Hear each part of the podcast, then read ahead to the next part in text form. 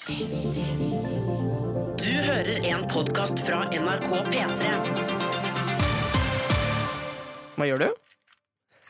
Eh, Spise frisk, ta på håndkrem, leppepomade og lip barrier relief. Hva er lip Så jeg har barrier relief? Har Litt, eh, litt av et privat spa her borte nå, ikke forstyrr meg. Welcome to the well. The mini-well. Forrige uke så sa, ble vi enige om at eh, jeg må stille deg bedre spørsmål om privatlivet ditt. eh, eller altså, vi skulle ned på dark web. Jeg har, jeg må, jeg har ikke liksom klart å komme på noen sånn skikkelig dark web-greier. Men en ting som jeg på en måte blir noen ganger litt frustrert over når jeg hører på deg, Siri, Ja. er at det moralske kompasset ditt er jo helt Fuck. fucka. Altså, du har et Og fordi kompass. det er eh, jevnt dårlig, eller fordi det spriker i hva jeg, at jeg noen ganger mener ja, og andre ganger nei? Ja, det, det er det ene. At du er inkonsekvent. Ja. som man, så, eh, til, at man blir forvirra. Ja. Så det er den ene tingen. Og den andre er at du på en måte også er jo litt sånn Du har noen verdier som Er helt ute? Ja, ja litt. Hva da, på stjerning og sånn? Eller sjalusi, eller Ja. Ja. Ja takk, begge de deler. tingene der? Og at du på en måte er veldig, du er veldig sånn hard liksom på dine altså Hvis du føler at noe er riktig, så Ja. er det det, da. Nei, men det, det er en eh, felles misoppfattelse av meg, og det er grunnen til at eh, kompasset mitt svinger, er fordi at jeg alltid mener både uh, ja og nei på alt. Mm. Men når jeg først går for ja, så er det ikke fordi jeg ikke mener nei, men når jeg først går for noe, så bruker jeg bare store, tjukke Ja. bokstaver. Det, men det handler ikke om meningene inni hodet mitt eller inni kroppen, det handler om språket jeg bruker. Mm. Så selv om jeg snakker veldig hardt for ja, så mener jeg nei òg. Så jeg har ingen Når folk sier at jeg har sterke meninger, nei, det har jeg ikke. Jeg har et sterkt språk. Ja. Inni meg, Det er en geléklump full av uh, inkonsekvens og inkontinens. Mens Jeg, eh, Flere enser? Ja, det er masse enser der inne. Det er derfor jeg ikke kunne drevet med politikk, for eksempel. For jeg sånn, ja, det mener jeg, og det mener jeg, og det mener jeg, og det mener jeg, det mener jeg, det mener jeg, og jeg mener det. Uh, men jeg kan godt si det som om jeg mener det. Men får du ikke da noen ganger dårlig samvittighet når du på en måte når for, folk må respektere da de, de store bokstavene dine. Ja. i hvert fall høre på. Ja. Men ofte så respekterer du, for ofte så har du jo rett. Jo, men enten Takk. takk. Men jeg tenker, når jeg sier det såpass hardt, så får du enten det du trengte fordi du mener det litt, du også, så får du det du trengte for å virkelig sånn Ja, fader, eller det mener jeg òg. Mm. Eller så mener du det egentlig ikke litt, og så hører du det så hardt, så blir det sånn Nei, vet du hva, det der mener jeg i hvert fall ikke. Ja. Og jeg mener at det ligger mye gode råd i å gi dårlige råd, fordi eh, folk tar det inn, føler på det, Mm. og de rådene vi gir som de selv mener er feil, da blir det bare mer eh, sterke troen på det at det de mener selv er riktig. Så vi dytter alle de midt på, dytter vi ut til en av sidene Mm. ved å bruke hardt språk. Nå later jeg som dette er et bevisst valg fra min side. Det er det ikke. Det er det eneste språket jeg har. Mm. Men, har, men har det ødelagt for deg noen gang? Hva da? D dette språket? Hele tiden. Det ødelegger hele tiden, Jonas. Det har ødelagt for meg hele livet, men det har også fått meg dit. Jeg ville aldri jobbet med radio antageligvis øh, hvis jeg ikke var sånn. Men jeg hadde sikkert hatt øh, flere venner og bedre forhold til familien. Og det hadde sikkert vært et øh, høyere elsket menneske hvis jeg hadde ikke snakket sånn. Og det sier du også ofte, Lina, men så har du ganske mange nære venner, og du har en Ja veldig fin, velfungerende familie. Og dudelu. Så det er derfor jeg lurer på noen ganger Kanskje de ikke har ødelagt så mye? Mm, jo, jeg tror jeg, jeg har brent ganske mange broer opp og igjennom. ja. Men mer sånn Jeg blir, jeg blir fort skuffa over folk. Men har du mange uvenner? Det, jeg tror jo det, men kanskje ikke jeg har det. Jeg vet ikke. Jeg tenker at det er masse folk som, der ute som går rundt og hater meg. Hallo! Men så har jeg spurt noen av dem, og så viser jeg at de gjør ikke det. Nei. Det er bare at jeg har tenkt at de gjør det, og da slutter jeg å hilse på dem. og hilser ikke på folk som hater seg, Nei. tenker jeg. Shit, Siri, du er vanskelig å finne ut av. Jeg følte vi klarte å komme ned på dark web, men jeg vet ikke om jeg er noe klokere av det. Nei. Skal ikke, det er ikke bra å være klok. Jeg skal tenke litt på dette neste uke. Dette er en føljetong eh, Mm. i å prøve å forstå Krish. Dette er Lørdagsrådet med Siri Kristiansen. På P3. P3. I eh, går kveld så var jeg utro. Jeg var utro med syv til ti menn, eh, tror jeg. Og det hele foregikk mens min kjære lokfører satt og så på. At den ene fremmede mannen etter den andre hamra inn, svetta, pesa, lå under, så lå de over. Først i to ganger 30 minutter, og så i to ganger 5 minutter etterpå på tampen der. Og selv om jeg aldri, aldri kommer til å gå fra min mann, så kommer jeg heller aldri til å glemme den prestasjonen de norske håndballguttene gjorde i går. For en kamp! Åh! I dag skulle jeg ønske, akkurat bare akkurat i dag skulle jeg ønske at Lørdagsrådet var et sportsprogram, men det er det ikke. Men jeg skal gi deg et sportstips, sånn helt uh, innledningsvis her. Se finalen på søndag klokka fem. Altså, det er som å se uh, Altså, en flokk med okser som uh, vet hva de altså, det, er, så- altså, det er porno, på en måte. Er, altså, man, må, man må se på det. Det er helt fantastisk. Det er spennende, og det er hot, og du får altså, tilfredsstilt alle sansene på uh, kroppen. Det kan ha hatt litt å si også at jeg fikk altså, den lengste fotmassasjen jeg har fått i hele mitt liv av min lokfører. Jeg vet ikke hva han drev med. Han må ha slått hodet sitt i går. Jeg tror jeg fikk, altså, jeg ba ikke om fotmassasje engang. Det ber jeg om nesten hver eneste dag. Fikk det uten å be om det i, uh, i nest, hvert fall en hel håndballomgang i går. Det var helt fantastisk. Herregud. Så jeg er i rimelig godt humør i dag, for å si det mildt. Og eh, jeg lover at eh, de neste tre timene kommer til å bestå av råd som ikke nødvendigvis er håndballrelatert. Det kommer altså ikke til å dreie seg så veldig mye om ballspill. Det kommer til å dreie seg en del om menn. Eh, det kommer til å dreie seg en del om utroskap, vil jeg tro. For Lørdagsrådet er jo et program som gir deg alt fra dårlige tips til livsavgjørende store, gode råd. Altså små dilemmaer, uoverensstemmelser, til store epos der åtte forskjellige familier er eh, involvert i problemet. Send inn ditt problem eh, til lralfakrøll.nrk.no. Lørdagsrådet på P3. P3. Denne Tobias som eh, sendte mail til Lørdagsrådet fordi han hadde vært så uheldig å sykle ned en gammel dame. Han hadde ikke bremser på sykkelen sin, og i bunnen av bakken så spratt det fram en gammel dame. Uh, og han syklet henne rett ned. Og han stakk ikke fra åstedet, altså. Det er ikke en sånn type sak. Uh, han ble der, ringte ambulanse, ambulanse kom. Uh, han ble ikke med i ambulansen, det er det jo ikke plass til. Det er vel heller ikke sånn at hvem som helst bare får bli med i en ambulanse. Eh, og siden vet han ikke hvordan det har gått. Han vet ikke om hun overlevde en gang og gått rundt og sover dårlig, og, og han vil vite hvordan det gikk med det, men samtidig er han redd for, hvis han på en måte melder seg nå Tenk hvis hun er død, da? Skal han sitte i fengsel? Altså, det var mye Han var usikker på om han bare skulle leve med det, eller eh, gå i dybden og prøve å finne ut av det. Sigrid Bonde Tusvik, Gaute Grøtta Grav og Hasse Hope var rådgivere forrige uke, og du skal få høre noen av rådene de ga. Lørdagsrådet På P3. Og jeg, jeg, vet, jeg vet hva jeg ville gjort, og, og det er fordi jeg er det man kaller for en såkalt feiging. Jeg ville på en måte latt det ligge. Jeg ville ikke eh, ringt eh, sykehus eller politi, fordi hvis du da får finne, finner ut at hun er død, så ville jeg hatt det helt forferdelig. Og politiet har vel ikke skånet han og tenkt sånn jeg skal ikke, Vi skal ikke ta han fyren der. Nei. Så jeg tipper at eh, de hadde jo lett gått etter eh, han som hadde sykla på henne. Min gode venn Pavel fra Polen, han sier I can look everybody in the eyes. Uansett hva han gjør, da, hvis han gjør feil, så er han veldig opptatt av å fortelle det. Faen vi kunne se folk i øynene etterpå. Stå for det de har gjort.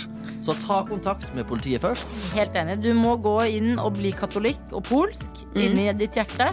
Og si 'jeg tar heller 30 av Maria og pisker eh, ryggen min her', eh, for å finne ut hvis hun er der, liksom. Men nå, etter å ha hørt eh, deres eh, innspill Faen, jeg er så, jeg er så enig. Nei. Jeg er så enig! Så hyggelig. Ja, dere er kjempefine folk. Dette er Lørdagsrådet på P3. P3. Kjempefine folk, sa Hasse Hope om to av de eh, kanskje mest kyniske rådgiverne vi har. Gaute Grøtta Grav og Sigrid Bonde Tusvik. Det syns jeg er veldig fint. Men bra at Tobias faktisk valgte å ikke gå for det eh, instinktet til Hasse Hope, som var å absolutt ikke finne ut av det, men eh, komme til fornuft. For han skriver i en mail her. Hei igjen, og takk for gode råd. Jeg tok til meg det konkluderende rådet til slutt om å prøve å få kontakt, så jeg ringte inn til politiet. Men det viste seg at det var ikke opplysninger de kunne gi over telefonen. Så dermed dro jeg ned til stasjonen, og der fikk jeg ikke så mange opplysninger heller. Det eneste jeg fikk vite, var at det var en dame på 86 år som ble hardt skadet etter en sykkelulykke. Det var det eneste jeg fikk vite. Skal jeg være ærlig, gjorde dette meg bare mer usikker på hvordan det faktisk gikk med henne. Allikevel takker jeg for råd og håper at det løser seg i fremtiden. Tobias. Og det løser seg ikke i fremtiden, Tobias. Grunnen til at det har løst seg litt nå, og at ting er litt vondere, er fordi du faktisk helt sånn i praksis har gjort noe. Jeg syns ikke du skal stoppe nå. Nei, du fikk ikke vite noe hos politiet hvordan det gikk med damen, annet enn at hun er hardt skadet. Men uh, da må du bare fortsette, da. Da må du ta kontakt med sykehuset og høre hvor hardt skadet. Hvordan gikk det egentlig med denne damen på 86? Og Tobias, du er ikke ferdig, skjønner du, selv om det gjør litt vondt. For litt motstand. Det er nå du må ta på glidekrem og bare fortsette å presse. Dette er P3. Vekk meg opp, synger hun eh, Gabrielle, og nå sitter hun her også. God morgen, Gabrielle. God morgen. Så at det er flaut å være på radio? Eh, nei, vi må si at jeg har fått beskjed om at jeg skal glede meg over alle øyeblikkene i livet. Så jeg sier det er gøy. Det er gøy. Og det ja. er jo gøy. Det er gøy. Det er bare dette jeg syns det blir stresset av det, liksom. Ja. Men gratulerer eh, med ny låt, da. Tusen, tusen takk. Jeg vil si gratulerer til alle i dag. Egentlig Gratulerer Christer Torjussen eh, med Drittpappa-showet ditt, som jeg ser at eh, går som ei kule over landet. Er du fortsatt på turné? Uh, jeg går ikke som ei kule, men det er litt her og der. Jeg Ja, ja. Men Ja, jeg men håper det at det blir kuler, mer det som ei kule, men veldig gode kritikker. Ja. Så veldig glad for det, altså. Takk. Vær så god. Og Line Elvsåshagen. Den nye uh, Åse Kleveland. Altså, du skal lede Grand Prix. Ja, ja, ja, ja, ja, ja. No pressure. ja, det skal jeg. Ja. Eh, sammen med Kåre Magnus Berg. Ja, Det tror jeg blir dritkoselig. Og jeg har fått beskjed om at eh, alle ideer er greit. Så på forrige møte så sa jeg 'hva med trampoline på scenen'? eh, og da var alle sånn ja, ja, ja, ja, ja, mer, mer, mer. mer Så jeg vet ikke helt om det var en ja-fase, eller om det var sånn ekte ja. Hvis du skjønner. Er Det, de holder sikkert på den ja helt til sånn rett før showet. så er Sånn, Nei, vet du, vi må bare ta det stå rett opp og ned med kort og se bra ut. Greiene som vi har kjørt Ah. fram til nå. Men du får til det. Det blir gøy, det. Ja, det blir kjempemoro. Ja. Men eh, jeg syns du skal slåss for den uh, trampolinen. Ja, ikke sant? Og i slow-mo Ja. på direktesending, hadde ikke det vært gøy? Jo, Hvis du har sånn strikk fra taket, og så kan du hoppe på trampoline i Da trenger man ikke trampoline. Nei, det Nå spinner jeg av gårde i en ja-fase her, folkens. Hiv dere gjerne på. Kunne du vært med i Grand Prix, Gabrielle? Å, det var et fint spørsmål. Um, jeg er veldig sånn Tenker at det ikke er et, en, en vei jeg skal gå akkurat nå. Nei. Eh, og se ser Jeg ser du jobber med å være politisk korrekt der nå. For du vil ikke stenge døra Det er så slitsomt å være politisk korrekt. Åh, nei, Det er men, greit å si at det, det, det passer ikke deg nå. Nei, det passer ikke akkurat nå. Nei. Men tenk så gøy liksom om 50 år. Nei Ja. Men kanskje en gang Det kan godt hende at jeg ikke har eh, Jeg kan sier få- ikke det at alle som er med der, ikke har suksess. Uff, nei, nå, blå, nå bare Dette går ikke, liksom. Men du kan, få, du kan få et svar av meg som du kan bruke. Ok. okay? Uh, Jeg spør uh, Skal du kunne tenke deg å være med Grand Prix. Og da svarer du uh, jeg håper jeg slipper. Ja, for jeg har jo sagt at jeg Det har jeg òg brukt, men jeg følte Ja. det var litt strengt. Nei, det, jeg syns det passer. Du kan jo tenke sånn Når du på en måte får lyst til å lage noen låter som er litt ko-ko, og du kan ha masse props på scenen som er umotivert, så kan du ta Melodi Grand Prix. Men visste dere at Loreen i Sverige skal være med for andre gang nå? Hun vant liksom den oh, hele verdensfinalen. Ja. Hun skal være med igjen? Ja! Fordi hun syns det var så gøy? Eller Vet fordi ikke, jeg har ikke vet, Det er jo vet helt rått. ingenting hva som skjer. Du kan jo bare elske det. Det kan Ja, være for, man men I Sverige så er det helt annerledes. Der er det kanskje Men samtidig på en måte nei. Eller liksom, det kan jo ikke være så annerledes. Nei. Jeg tror, det, jeg tror det har en annen status i Ja, det har kanskje det. Ja, Er ikke Grand Prix veldig mye større i Sverige Jo, enn det er som er i det. Norge? Det er De blåser blåser så innmari opp. Det virker som det er så, det er så svært og stor greie. Ja. Det er jo det største som skjer i løpet det av som et år. hele Sverige titter på.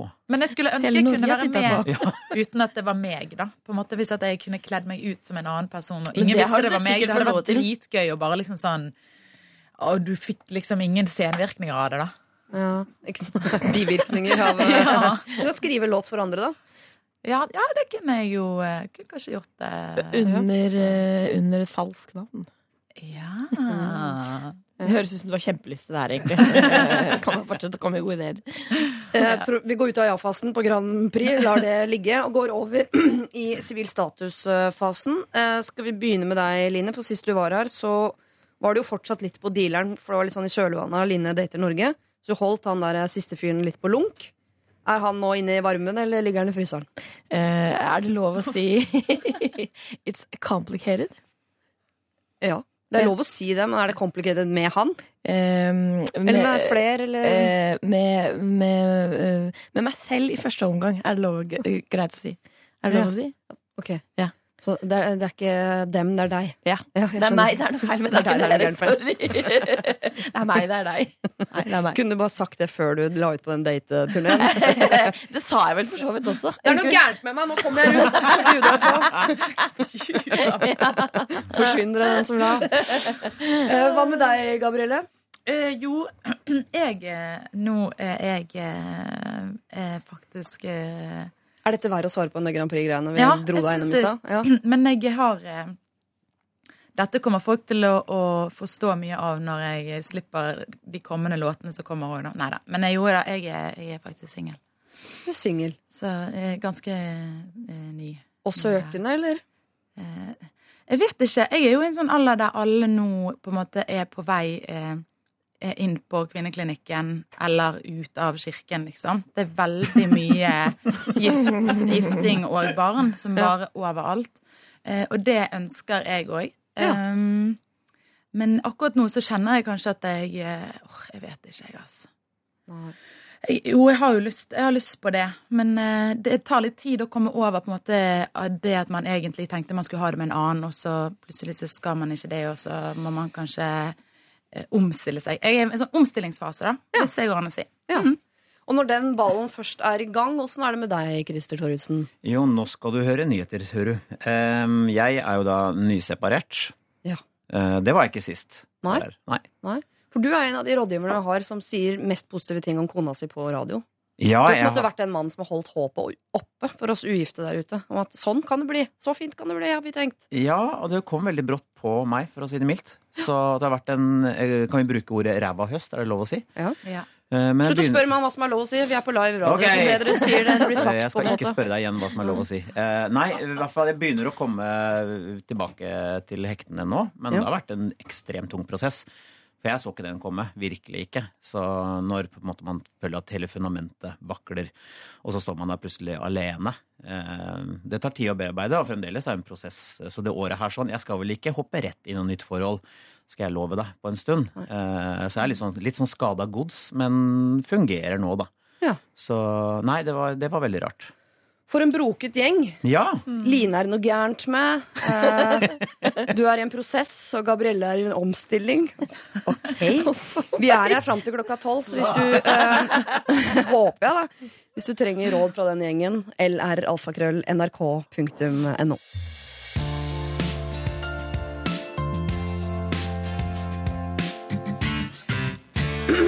Jeg har noe i halsen i dag, jeg, dere. Det skal nok ordne seg på sikt, skal dere se.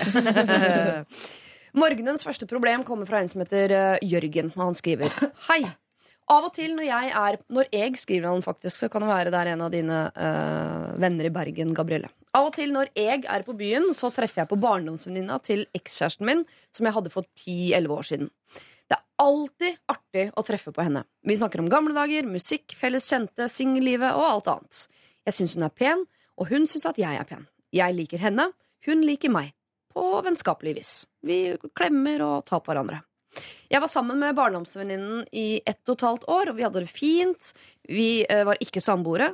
Og gamlekjæresten er ressurssterk og oppegående, men under forholdet så viste hun tendenser til å være sjalu. Gamlekjæresten min tok bruddet tungt, men nå har hun mann og barn og jobb og hus, og ifølge venninnene så har hun det bra. Blir det feil av meg å prøve meg på denne venninna? For i hvor mange år gjelder regelen, eh, eller normen, om at venner ikke bør involvere seg i ekskjærester? Det jeg ser på som presspunkt i dilemmaet, er hvordan ekskjæresten vil ta det om vennskapet mellom venninnen blir dårligere, eh, om jeg og venninnen roter det til eller blir kjærester. Jeg ønsker dere en fin dag. Jørgen? Hallo, Jørgen. Ja, det er 10-11 år siden han var sammen med eh, denne jenta i ett og et halvt år. Kan han nå prøve seg på barndomsvenninnen hennes? Hvis det er 10-11 år siden, jeg sier ja allerede. Ja, ja, ja. Altså, ja, er det noe er det Hun noe? har jo mann og barn. Er Ikke, Har ikke hun det? Jo. Er ikke det på en måte eh, eh, Men han bør jo på en måte vite at det er liksom odds for at han da går inn igjen i hennes gjeng, og så skal de henge sammen, da. På en måte, hvis det, men barndomsvenninne, har man Kommer det fram i mail om hun barndomsvenninnen fremdeles har masse kontakt med eksen, eller? De er venninner fortsatt. De er venninner fortsatt. Mm. Ja. Det har litt å si. Det kan jo bli en situasjon og noen familieselskaper der hvor det kanskje er litt sånn rar stemning i starten. Men det høres jo altså jeg føler Når du har fått eh, mann og barn, så har du på en måte Ja. Da har du bevist at jeg har tatt et riktig valg eh, ved å få barn med denne mannen fordi jeg elsker han, forhåpentligvis. Og så er det ti år siden. Og så er det ti år siden, sånn at det er jo på en måte Hun utstråler at du kanskje har det bra, da. Denne ekskjæresten. Jo, men samtidig så har hun jo også vist at hun er sjalu, og nå eh, er jo folk uenige om i hvor stor grad man skal ta hensyn til sjalusi, men det er noe med eh, Hvis man er litt sånn um, possessiv, som jeg kan kjenne meg bitte litt igjen i her jeg sitter Uh, Jeg vil ikke ha likt, uansett om det har gått 10 eller 20 år, at en god venninne av meg ble sammen med en jeg hadde vært sammen med tidligere.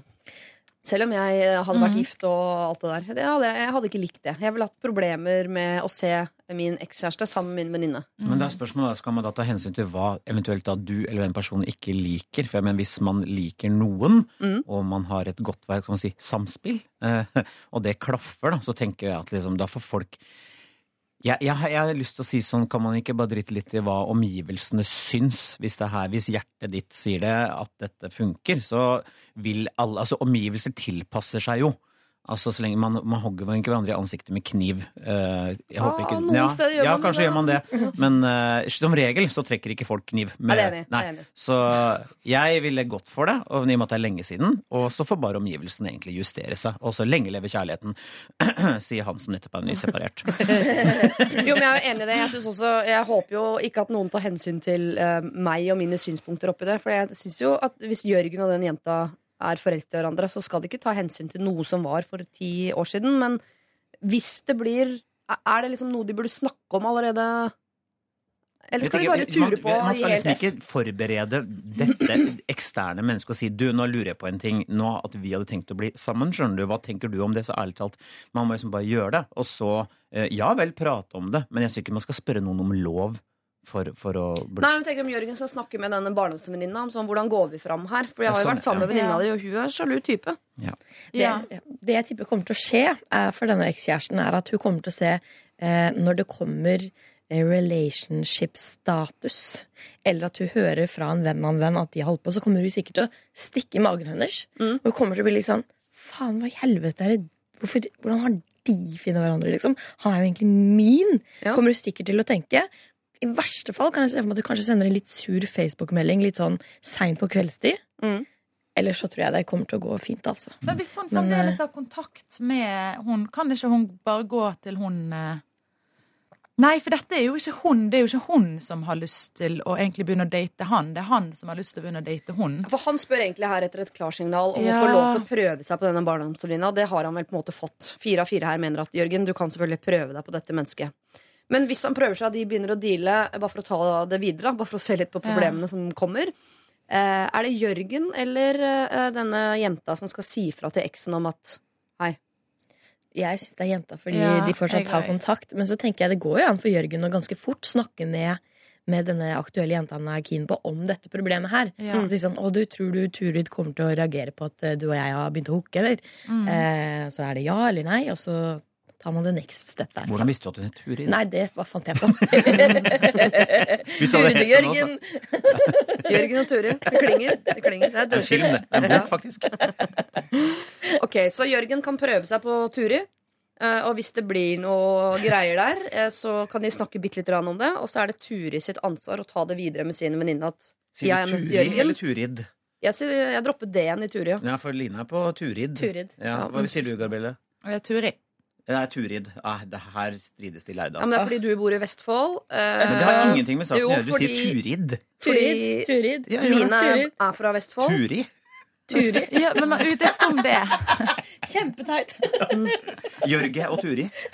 Jørgen, jeg vet, ikke om, jeg vet ikke om det var dette du lurte på, Jørgen. Om det er en uttalelse Turi eller ikke. Men nå fikk du det også. Eh, på Vestlandet og i Oslo så uttaler vi ikke D-en, men i Vestfold gjør man tydeligvis det. Turid. Og til det du lurte på, kan du prøve deg på Turid? Ja, svar på det.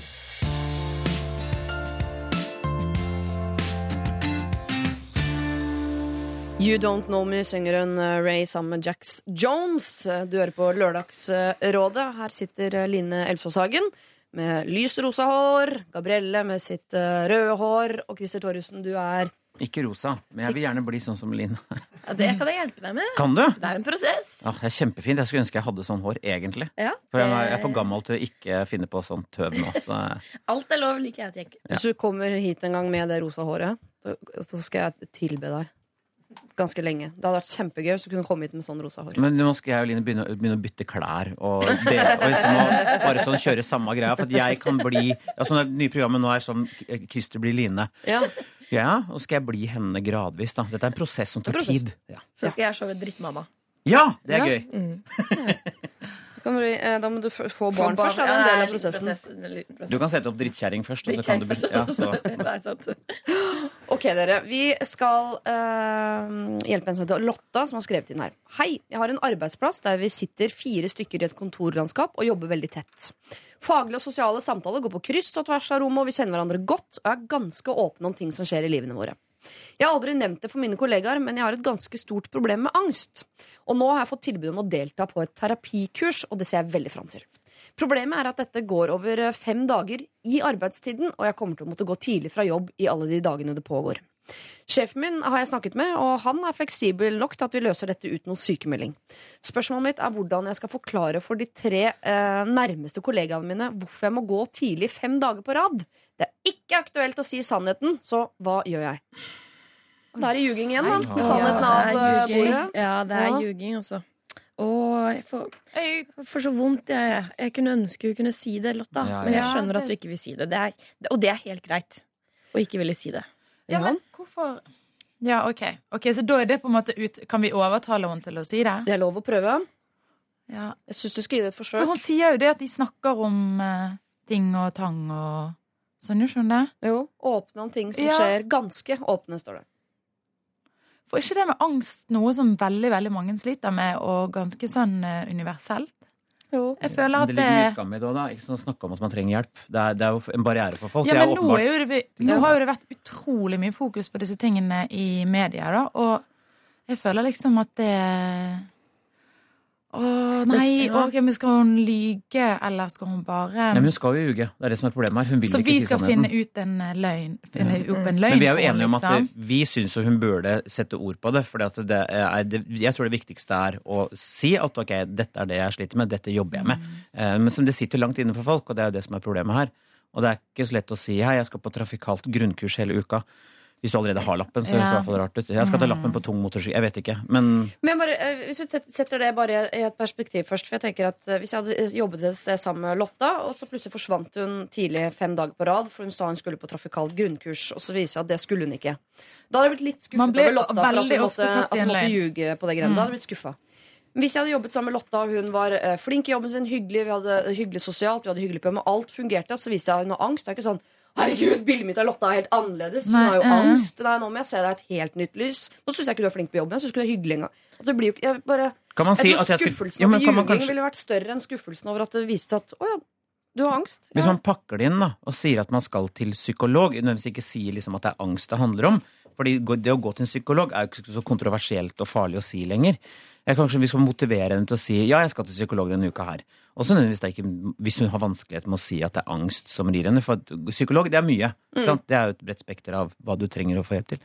Jeg vet ikke. Nei, men jeg synes Det høres ut som hun må i alle fall si at det er et slags kurs som går den uken. For det, det ville vært rart å gå fra jobben liksom, fordi at du har booket deg psykologtime i arbeidstiden hver dag i fem dager. liksom. Da er det plutselig veldig akutt problem. Ja, Men ehm, eh, er det ikke Jeg er jo faktisk litt fan av hvis, altså, at man, Noen ting kan man holde privat.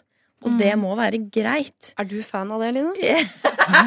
Since? Skulle ikke tro det, nei! Nei, men Jeg tror at det er en helt klar styrke det å ha noen privatgrenser. Fordi jeg er veldig åpen og forteller alt, men så er det noen ting som bare er mine, liksom. Hva? Eh, Det er hemmelig.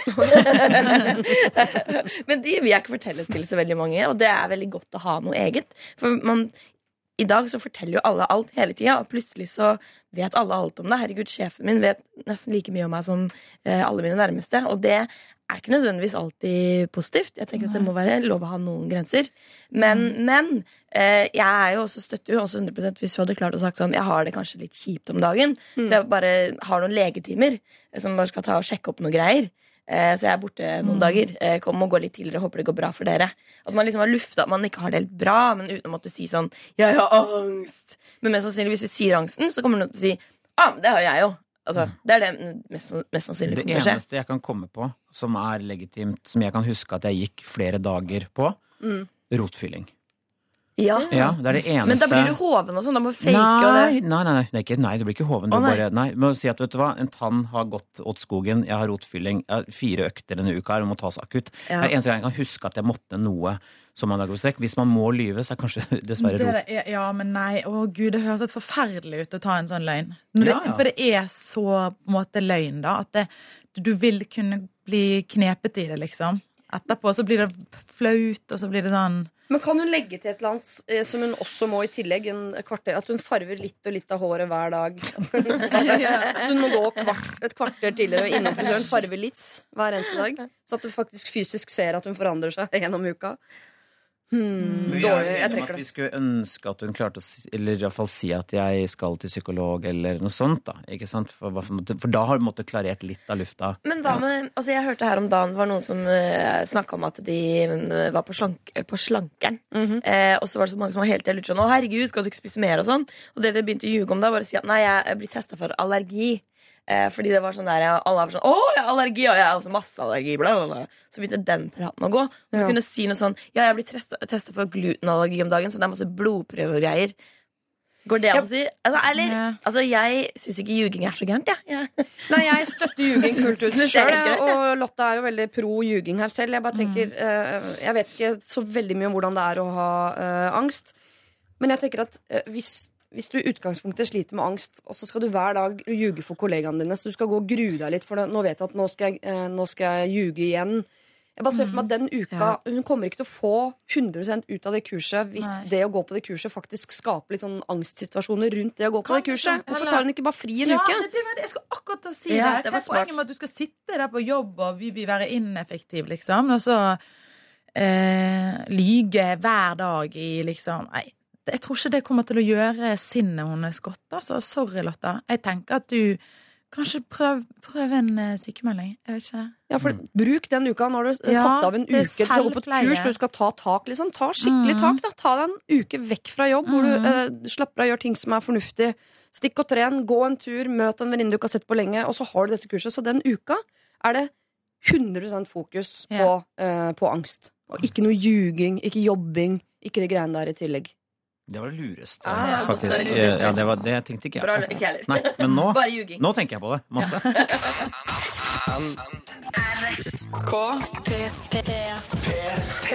Når er det det er Grand Prix? Er det 11. mai? mars. Er det så tidlig? Ja. Hovedfinalen er i mai. Grand- Ja, for det er i mai, ja. Mm. Eurovision. Mm. Den skal du ikke lede. Nei, takk for det. Det skal jeg heldigvis ikke. Foreløpig, si. Hvis vi vinner i år, så kanskje neste år. Har du fått høre bidrag og sånn? Har dere hørt noe som skal være med? Artisten er ikke sluppet ennå. Jeg har hørt.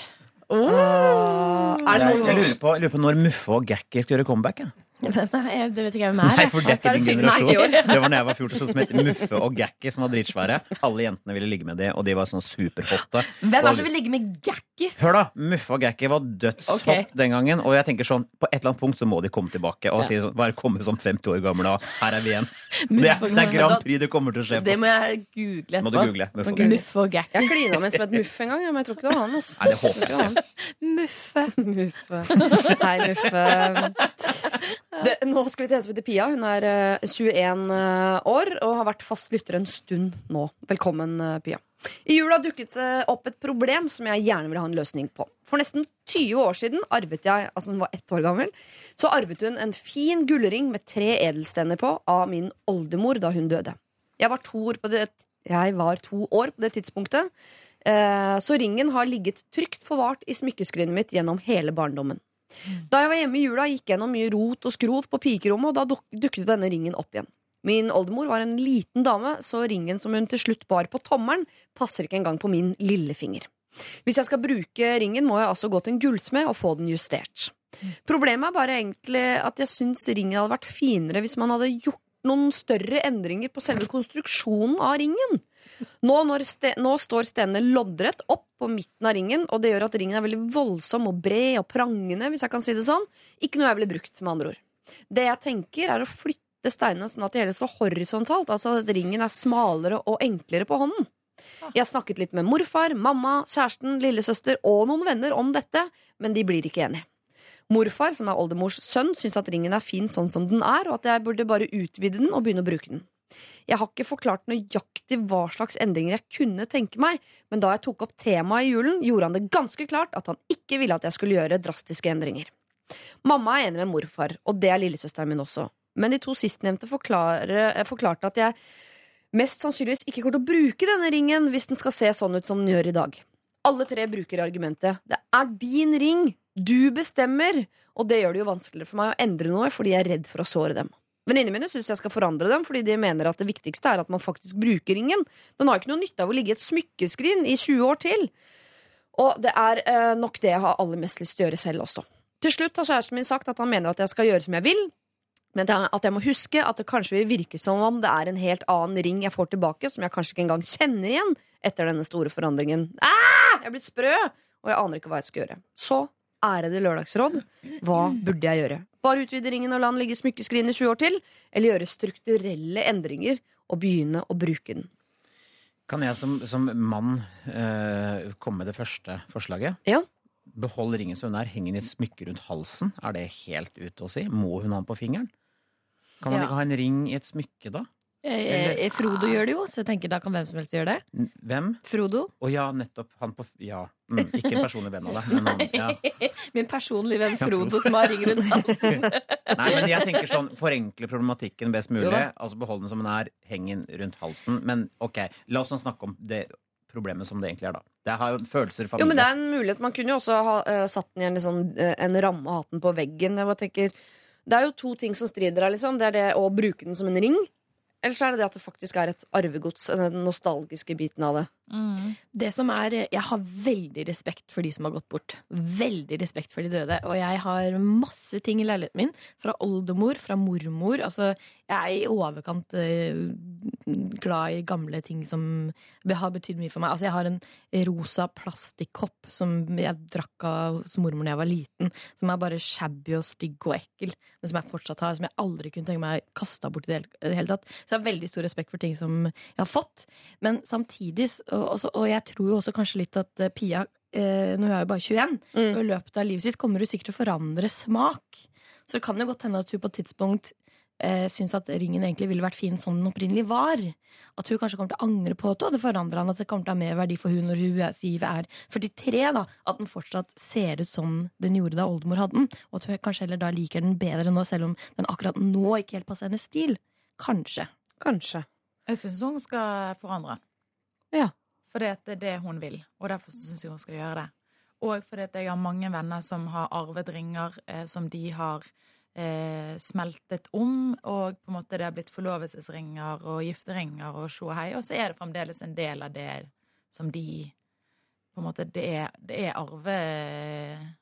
Det er det de arvet, men de har omjustert litt på det, da. Ja. For jeg syns det høres ut som at det er det hun vil, men at hun ikke tør. Ja, det er nok det hun vil nå, men jeg er litt uh, splittet i mitt eget hode. Jeg hadde nok også antageligvis gått for å, å endre den, men jeg er jo helt i andre enden av skalaen for der hvor eh, Line bor, i forhold til å være opptatt av uh, historie og de før oss, og, og ta vare på ting og sånn. Jeg er veldig Du må bygge egne hyller, du. Ja, jeg er mye mer sånn flyktig og bare framover, ikke bakover osv. videre Men eh, det er noe med hvis det er et arvegods, så liker jeg tanken på at man tar med seg det videre, men man forandrer det ut ifra at tidene forandrer seg, menneskene Mm. forandrer seg, ikke sant? Men ringen blir med gjennom og blir et litt sånn spor på at, at ting forandrer seg. Men samtidig, den mister jo litt verdi, og det er litt dumt hvis Pia er en sånn jente som den ene dagen liker uh, rosa hår, og den andre dagen eh, har bare lyst til å gå i sånn uh, skjorte og, og pene bukser med press, liksom. Og så skal ringen være et offer for det. At for hver gang hun, Dette er sånn folk som ikke burde tatovere seg. Altså Hvis man er en sånn Ja. menneske som hele tiden skifter stil og meninger om alt mulig Ja. rart, og så, er, og så skal man forandre noe som har eh, såpass stor verdi som et arvegods har, på impuls. Det syns jeg, jeg er litt dumt. Så affeksjon er liksom det, her, det er jo spørsmålet her. Ikke sant? Det er Ja. sånn, den verdien der, da. Ikke sant? Så snakker man om at ja, man skal gjøre det om, og så skal man beholde. Det er jo sånn dilemma, men jeg, som jeg er litt enig at hun skal høre på hva hun selv vil. Og, Mm. og uh, nødvendigvis ikke ta hensyn til Men gjør det som betyr mest for deg. Hva heter hun igjen? Pia. Pia. Hei, Pia. Jeg, jeg syns hun skal gjøre det som hun Eller vet hun egentlig hva Nei, hun vet jo ikke det. Jeg, tror det- ja, men jo, hun- sier ikke hun det at hun er at hun har ikke lyst til å gjøre noe som sårer de som på en måte er uenige med henne. Mm. Og da kunne jo det vært fint at uh, man tenker at det går over. For det kommer til å gå over. Det er ikke noe man kan bli sur for lenge, liksom. Og, uh, uh, og så tenker jeg at det blir dumt at man skal tenke sånn Å, at, at kanskje den er kul om 40 år, på en måte. Ja, men jeg tenker Den skal vel sikkert arves videre. Deilig å tenke på at den går fra generasjon til generasjon til generasjon. At den er der liksom hundrevis av år. Men jeg klarer ikke å bli enig da om Er det da kult at den også forandres gjennom alle disse leddene, eller er det kult at den er helt lik hele veien? På den ene sida så er det jo altså er det nesten ikke noe igjen da, hvis eh, alle generasjonene nettopp bare forandrer den til nymotens eh, hele tida.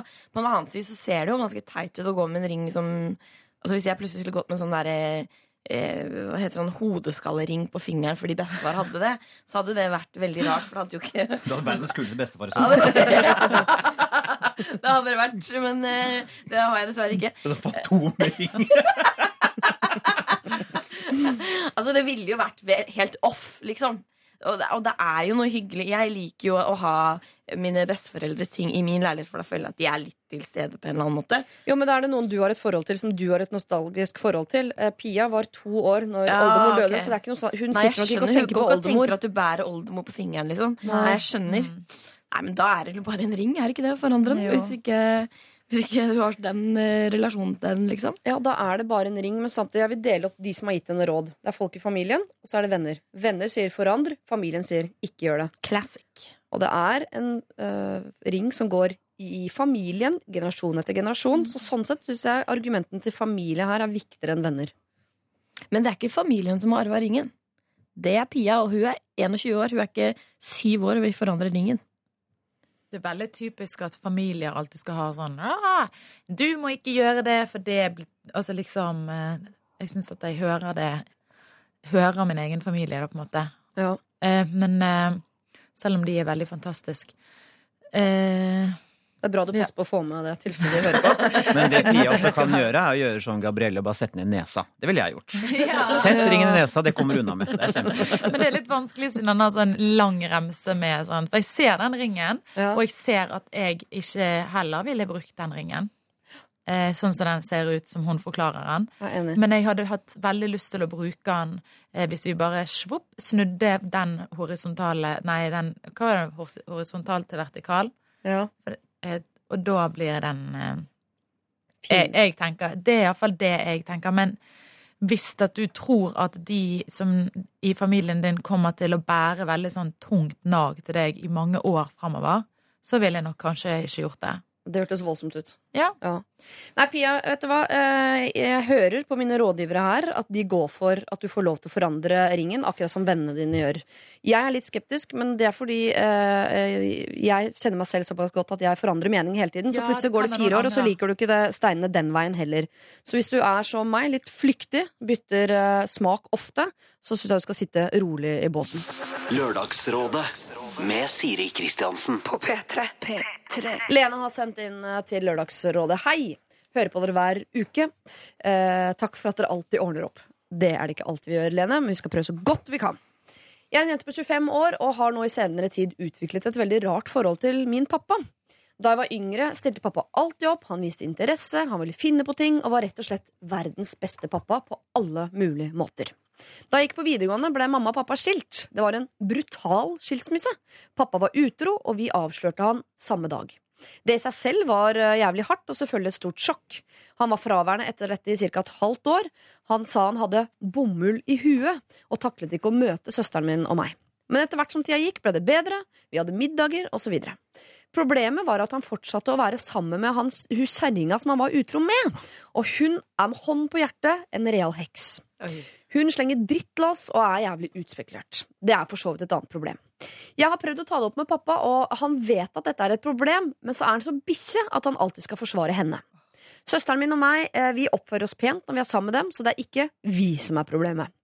Men nå har det seg sånn da, at pappa sakte, men sikkert fader ut. Han ringer ikke, svarer ikke, bryr seg ikke når jeg forteller om ting jeg er glad for, har ikke tid til å møte meg, avlyser avtaler. Når jeg en sjelden gang ser han, så drar han etter en time. Det virker som han prøver å unngå meg og søsteren min. Det er som om vi ikke har noe verdi for han lenger, og det er så sårt. Jeg vil jo bare være sammen med pappa. Kunne spise middag eller gå på tur, snakke sammen, være far og datter. Jeg vet at jeg ikke er et barn lenger, men jeg ønsker jo samvær med pappaen min allikevel. Jeg blir bare sint. Eh, han blir bare sint om jeg sier 'Å, du har aldri tid til meg', og jeg aner nå ikke hvordan jeg skal få pappaen min til å bli glad i meg igjen. Hilsen Lene. Ja, men faen, da! Ja, Lena er 25 år, hun er ikke et barn lenger, Ja. hun savner pappaen sin, og det vet pappaen. Hva gjør man da? Jeg tror, for det første, jeg tenker at hun har projisert veldig mye av frustrasjonen sin over på dette nye mennesket, da. Ja. Ikke sant? Det er altså bitterheten Heksa. Eller, ja, heksa. Som da på en måte sviket eh, faren foretok, på en måte har blitt hennes skyld på en eller annen måte. Og, Symbol på sviket. Ja, ikke sant? Og så, så på henne, henne handler kanskje mer om denne dama enn om, om faren på en eller annen måte.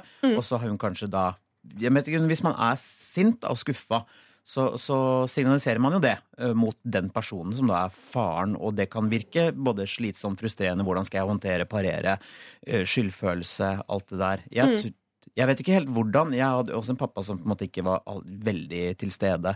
Eh, Skål! Ja, ikke sant? Som veldig mange av oss har. Og, og det å for, forsøke å forsone seg er kjempevanskelig, fordi du sitter som barn og venter på at nå skal pappa komme til meg, ikke sant?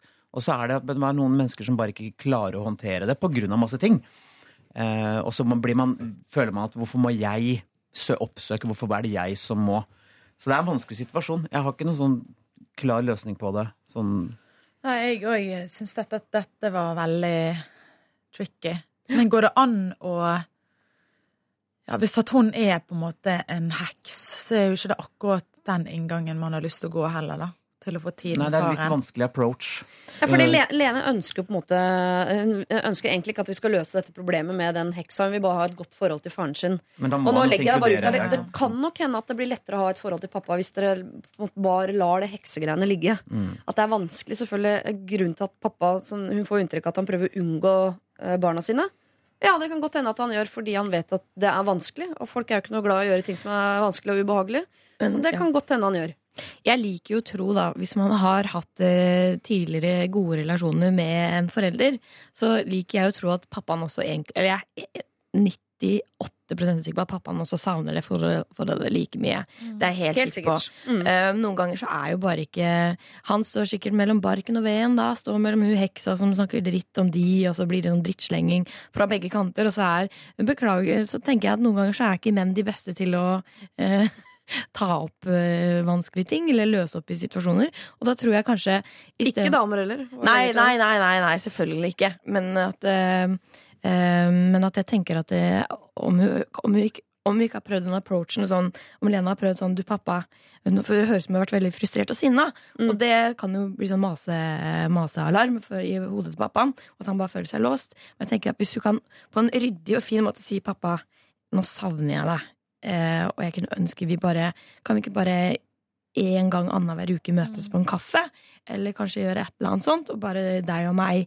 Så trenger man ikke å legge opp denne familiemiddagen hvor det blir bråk, og at du på en måte mer ydmyk går inn og sier at du savner den, og har heller den approachen istedenfor 'Å, du har aldri tid', men mer sånn 'Jeg savner deg, kan vi, kan vi møtes litt oftere?' Eller 'Det hadde vært hyggelig hvis du noen ganger bare ringte og hørte hvordan det går'.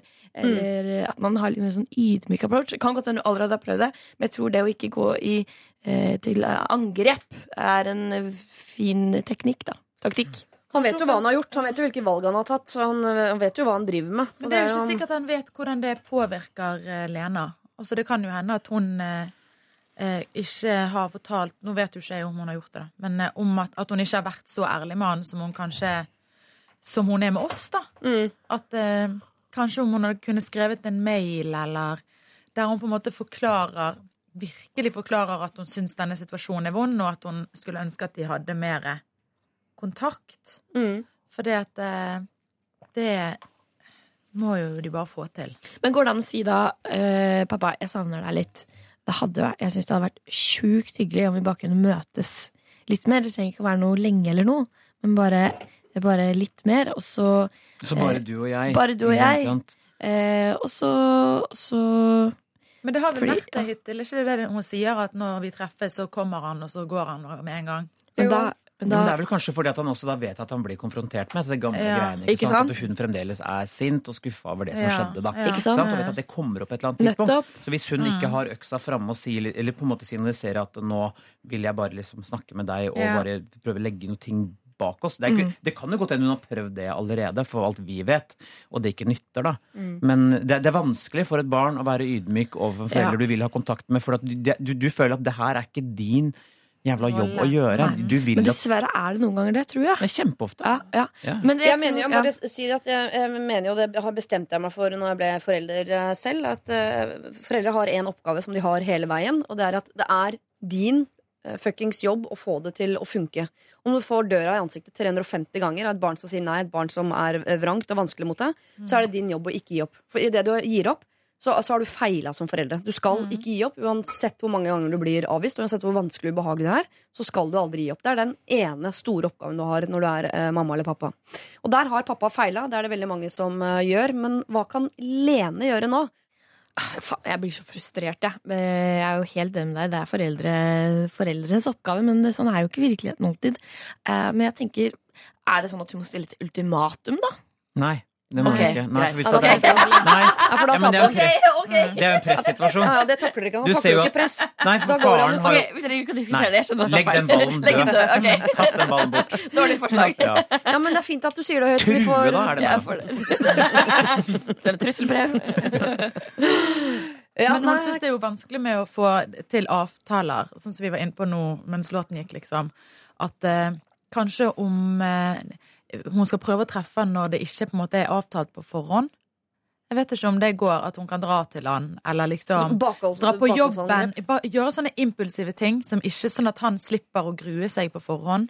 For det høres ut som at han er sånn stresset over kanskje at ok, da blir det en samtale om den nye heksekonen, og det blir liksom Jeg sender en melding og sier sånn Hei, jeg er en halvtime unna, er du hjemme?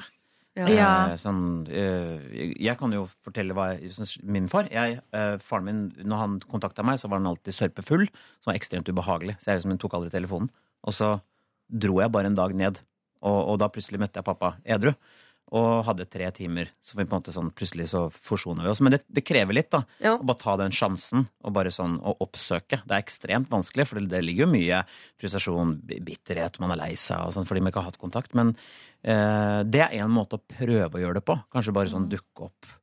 Men igjen krevende, for du, du kan mislykkes totalt. Ikke Ja. sant? Og så er det noe med å be om noe som man vil bare at, at man skal få Du vet sånn, sånn Jeg vil at du skal elske meg. Jeg vil at du skal være opptatt av meg. Jeg vil at du skal bry deg. Det er jo ikke noe man egentlig vil be om, for det er nesten hvis du da får det, så tenker du sånn Er det en bestilling jeg har gjort nå, eller hva er det? Det er som å spørre Kan jeg være så snill å få blomster av deg i morgen, for nå er det lenge siden jeg har fått oppmerksomhet. Så får du blomster, det er sånn Takk.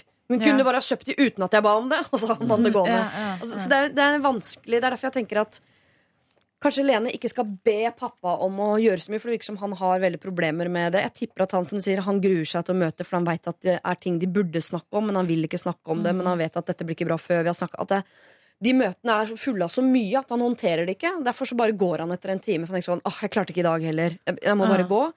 Men at Lene heller um, prøver å snu det til at hvis, hvis de får noen hyggelige møter som ikke handler om at de skal snakke om ting, eller eh, stikk til Liverpool en helg og se på fotball hvis han liker det, eller eh, stikk ned til ham på søndag og se på håndballfinalen klokka fem, for eksempel. Altså, gjør noen sånne ting som, som bare er gøy.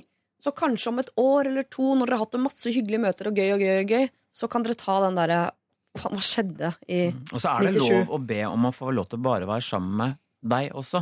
Men hvis Man må ikke trekke inn dette nye mennesket. Det er faktisk lov å si 'kan vi to gjøre noe'? For dette er tross alt en biologisk veldig sterk forbindelse, uansett om man ikke har sett hverandre eller ikke. Mm, og det, oi, unnskyld. Nei. Hvis at uh, Lena ikke har fortalt faren sin uh, nøyaktig hva hun føler, om at hun savner han, og at hun vil tilbringe mer tid med han, og så videre, og egentlig kanskje litt forsona seg med situasjonen. Han har funnet en ny, det var drit, men sånn er det, liksom.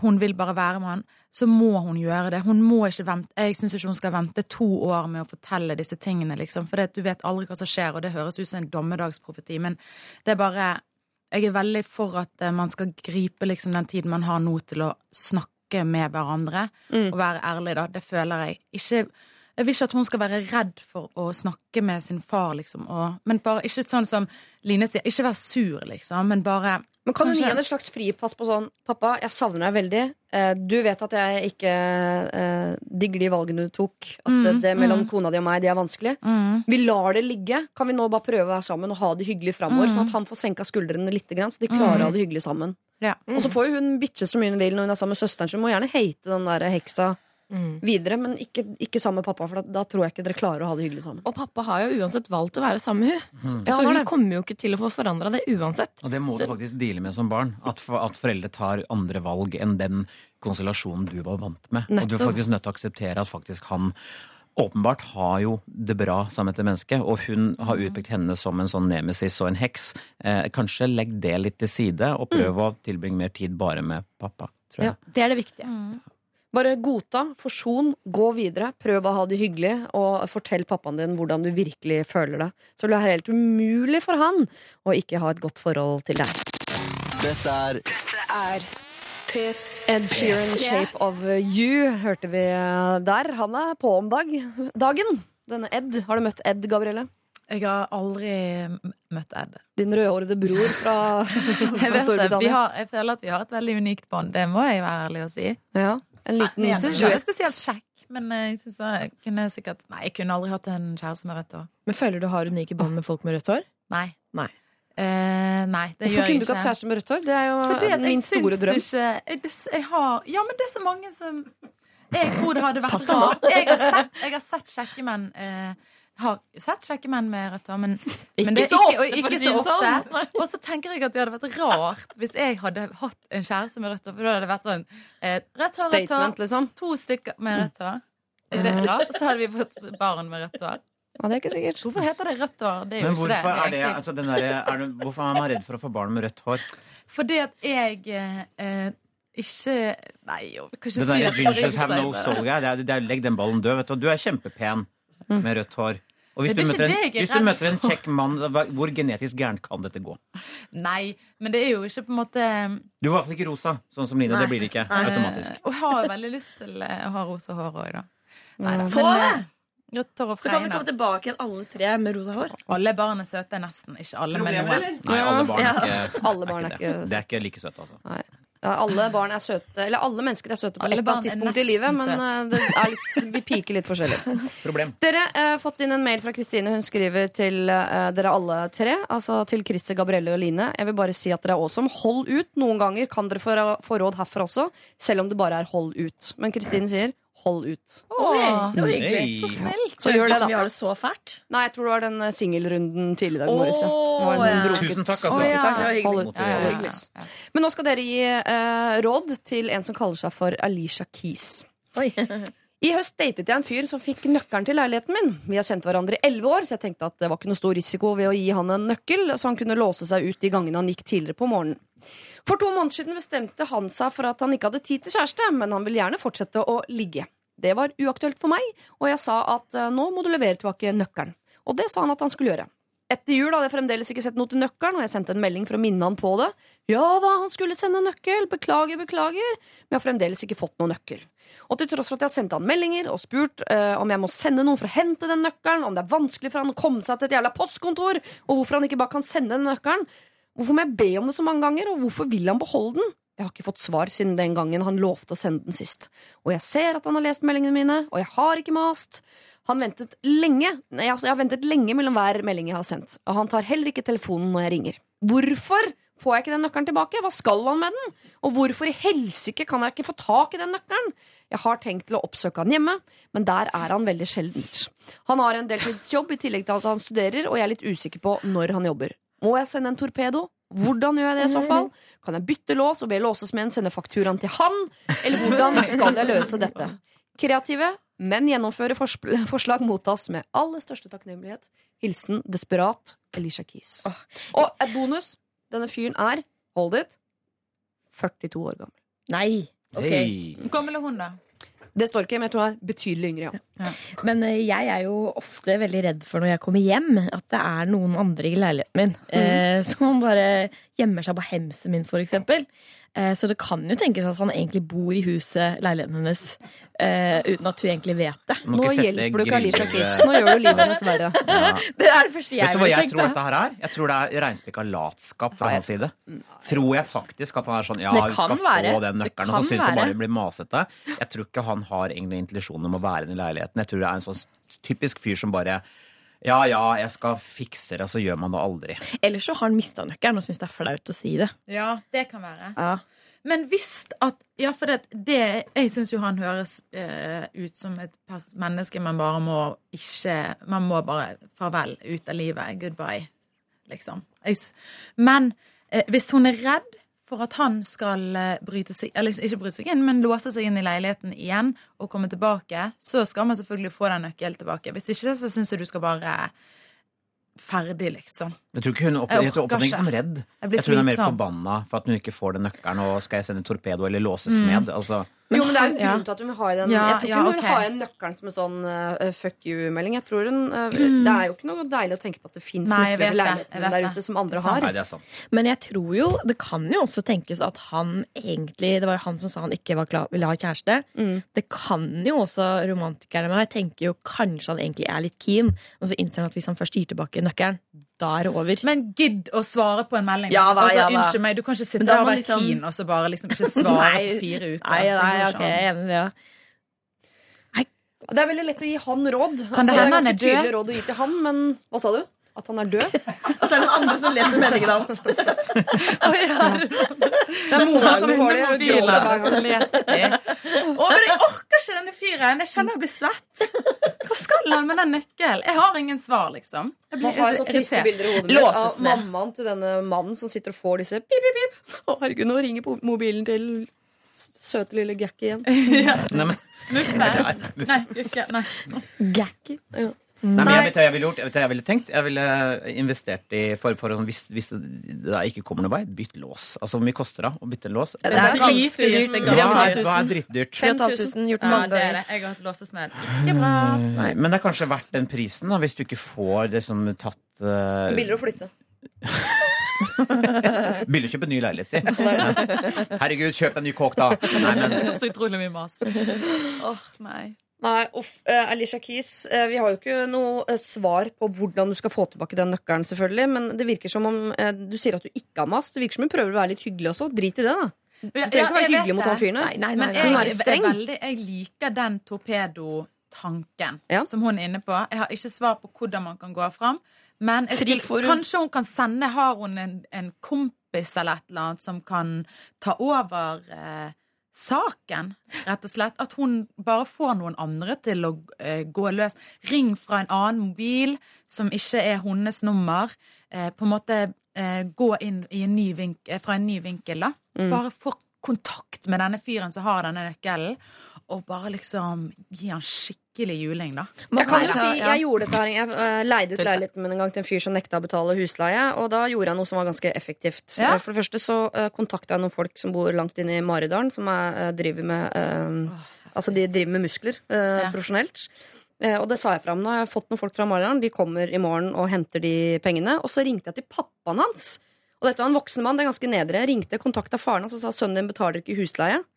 Og i løpet av natta da så hadde pappa betalt husleien. Så jeg tenker, Ja. så flaut for mann 42 her om du, Alicia Keys, ringer pappaen hans og sier du, sønnen din har nøkkel til leiligheten min. Eller. Selvfølgelig, Liksom. Jeg tror ikke vi ringer- skal Ja, oppfordre skal til å kontakte Oslos undergrunnsmiljø. man kan jo ta en torpedo light og bare få en sinna fyr Ja, til å Det er det jeg òg mener. Ja. Ja, men det er Torpedo Light er pappaen til mann 42. Ja, Du må ringe pappaen eller mammaen hans, sånn at det blir flaut Ja. og nedrig for han når han blir ringt hjemmefra og sier sånn Hvorfor leverer du ikke tilbake nøkkel til uskyldige Ja. små eh, jentebarn? Mm. Og hvis de har kjent hverandre Hvor lenge har de kjent hverandre? I ti år? Elleve. År? Mm. Da kjenner hun jo sikkert kompisene hans og sånn òg. Start et helvete. Det er mitt råd. Men hvis råd det er jo ikke så mange menn der ute som ikke har levert tilbake nøkkel Hvis det kan hende han hører på noen, du som har denne nøkkelen, liksom. Ja. Du må levere tilbake nøkkel. Ja. Hvis du er en fyr på 42 år med en ekstra nøkkel, så lever tilbake den nøkkelen. Hvis ikke så ringer vi mora di. Åh, si det sånn. hvor irriterende. Enig. Det syns jeg er god løsning. Dette er Lørdagsrådet På P3. P3. P3. Ina Brolsen sammen med Martin Solveig Plei... Pleises, hører du? Pleises, som man sier. Vestlandsutro på dem. Hva het den låta di? Pleises. Pleises. Hva handler den om? Plass, da. Forskjellige pleises. Pleises. Around the world, you know. Nei da. Places, you know. Vi skal til eh, Nora, som trenger noen helt ærlige råd fra dere, folkens. Folkens i dag er Christer Torjussen, Gabrielle og Line Elvsås Hagen. Jeg studerer. Trives godt, mye fordi jeg ble aktiv i en forening på mitt studie. Der er det en gutt, Petter, som jeg alltid har hatt en vennlig tone til. Et år går, og jeg og Petter er kun bekjente gjennom denne foreningen. Helt til jeg våkner en dag i november og er overbevist om at jeg er forelsket i Petter. Jeg begynner å snappe, og jeg får svar. Vi blir plutselig bestevenner på Snap. Vi møtes nå og da, også alene utenom foreningen, men han prøver seg aldri på meg. Jeg hinter sterkt, men ingenting skjer. Vi drar på juleferie. Ikke sammen, altså. De drar eh, på juleferie. Eh, Snapstreaken fortsetter, vi ringes og hele pakka, men aldri noe seksuelt. Men han skriver ting som 'glad i deg', 'gleder meg til å se deg', og legger masse planer for oss to for nyåret. Så til problemet. Når vi møtes en måned senere, på hans initiativ, så kjenner jeg at alle følelser er borte. Han er fra min side såkalt friendzona. Når vi møtes neste gang, er det i regi av foreningen. Jeg vet ikke hva jeg skal gjøre, jeg kan ikke ghoste han heller, siden jeg har vært såpass på hele tiden. Han er tidenes flotteste fyr og vier all sin oppmerksomhet til meg, men jeg kjenner at jeg prøver å unngå han. Er han interessert? Jeg tror han bare vil ha noen, og ikke nødvendigvis meg, og at det er derfor han er så på og vil avtale ting. Men hvordan gjør jeg det tydelig at jeg har ombestemt meg og bare vil være venn? Vi har jo verken kyssa eller kladd. Men jeg føler at jeg har på en måte uh, lead him on nå i ettertid. Og det er spesielt vanskelig siden vi jo da er aktive i denne veldig lille foreningen. Hilsen Nora. Forstår dere? Det er, vi vet ikke om noen er forelsket. Er, Nora er ikke forelsket, hun var forelsket. Petter vet vi ikke om var eller er, eller noe som helst. Men Nora føler at hun har lagt opp til noe nå, som hun vil trekke seg fra igjen. Men her liker jeg å si du, du skylder ingen noe, liker jeg å si. At du, du er Ja, da var du forelska litt. Og så var du ikke det lenger. Og det, det, det kan du stå for, uten at du må forklare deg på noen som helst måte eller noe. Det syns jeg man kan tåle Eller det syns jeg han må tåle. Fordi hun har jo ikke lova noe på noen som helst måte, og jeg syns ikke hun har lidd han om. Det må jo være lov å være litt betatt av folk, og så bare nei, det var egentlig ikke riktig likevel. For det høres jo ikke ut som han har tatt sånn videre, eh, videre initiativ, eller? Ja, hvis han nå fortsetter å ta initiativ da, på at de skal møtes utenfor foreningen Skal hun øh, Og hun vet at ja, det gjør jeg gjerne, men bare som venn. Og så får hun inntrykk av at han egentlig vil møte henne som noe mer enn venn. Skal, har hun da meldeplikt på det? Nei, Jeg tror eh, i Jeg vil skyte inn en ting. Man kan fort blande fascinasjon og forelskelse. Uh, man kan være fascinert av noen, og så kan man tro at man er forelska omvendt. Uh, her tror jeg det er det der, da. Fascinert. er Sine følelser. Uh, Hva hun skal gjøre med det. Jeg tenker eh,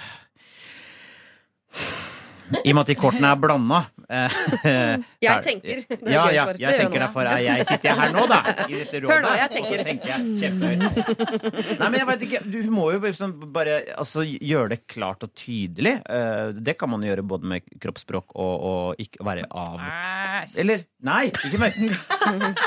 Ikke vær, ikke vær så avvisende. Nei, Men jeg tenker Gabrielle vekk fra mikrofonen, akkurat sånn der mikrofonen. Kan man prøve å ta en sånn eh, Når man er venn eh, Når man er sammen på en måte som venner, og så si liksom Ja, hvordan går det? Nei, nei Guri, jeg har drevet og snakket med en fyr, og litt sånn Og jeg var litt hypp, jeg var litt hypp på han, liksom. Ja, og jeg er jo egentlig ikke pro lyging i det hele tatt, men eh, Det er andre gang du foreslår ljuging som løsning på et problem i dag. Nei, Så, det var, jeg var en av de som sa at vi ikke skulle ligge. Var jeg ikke?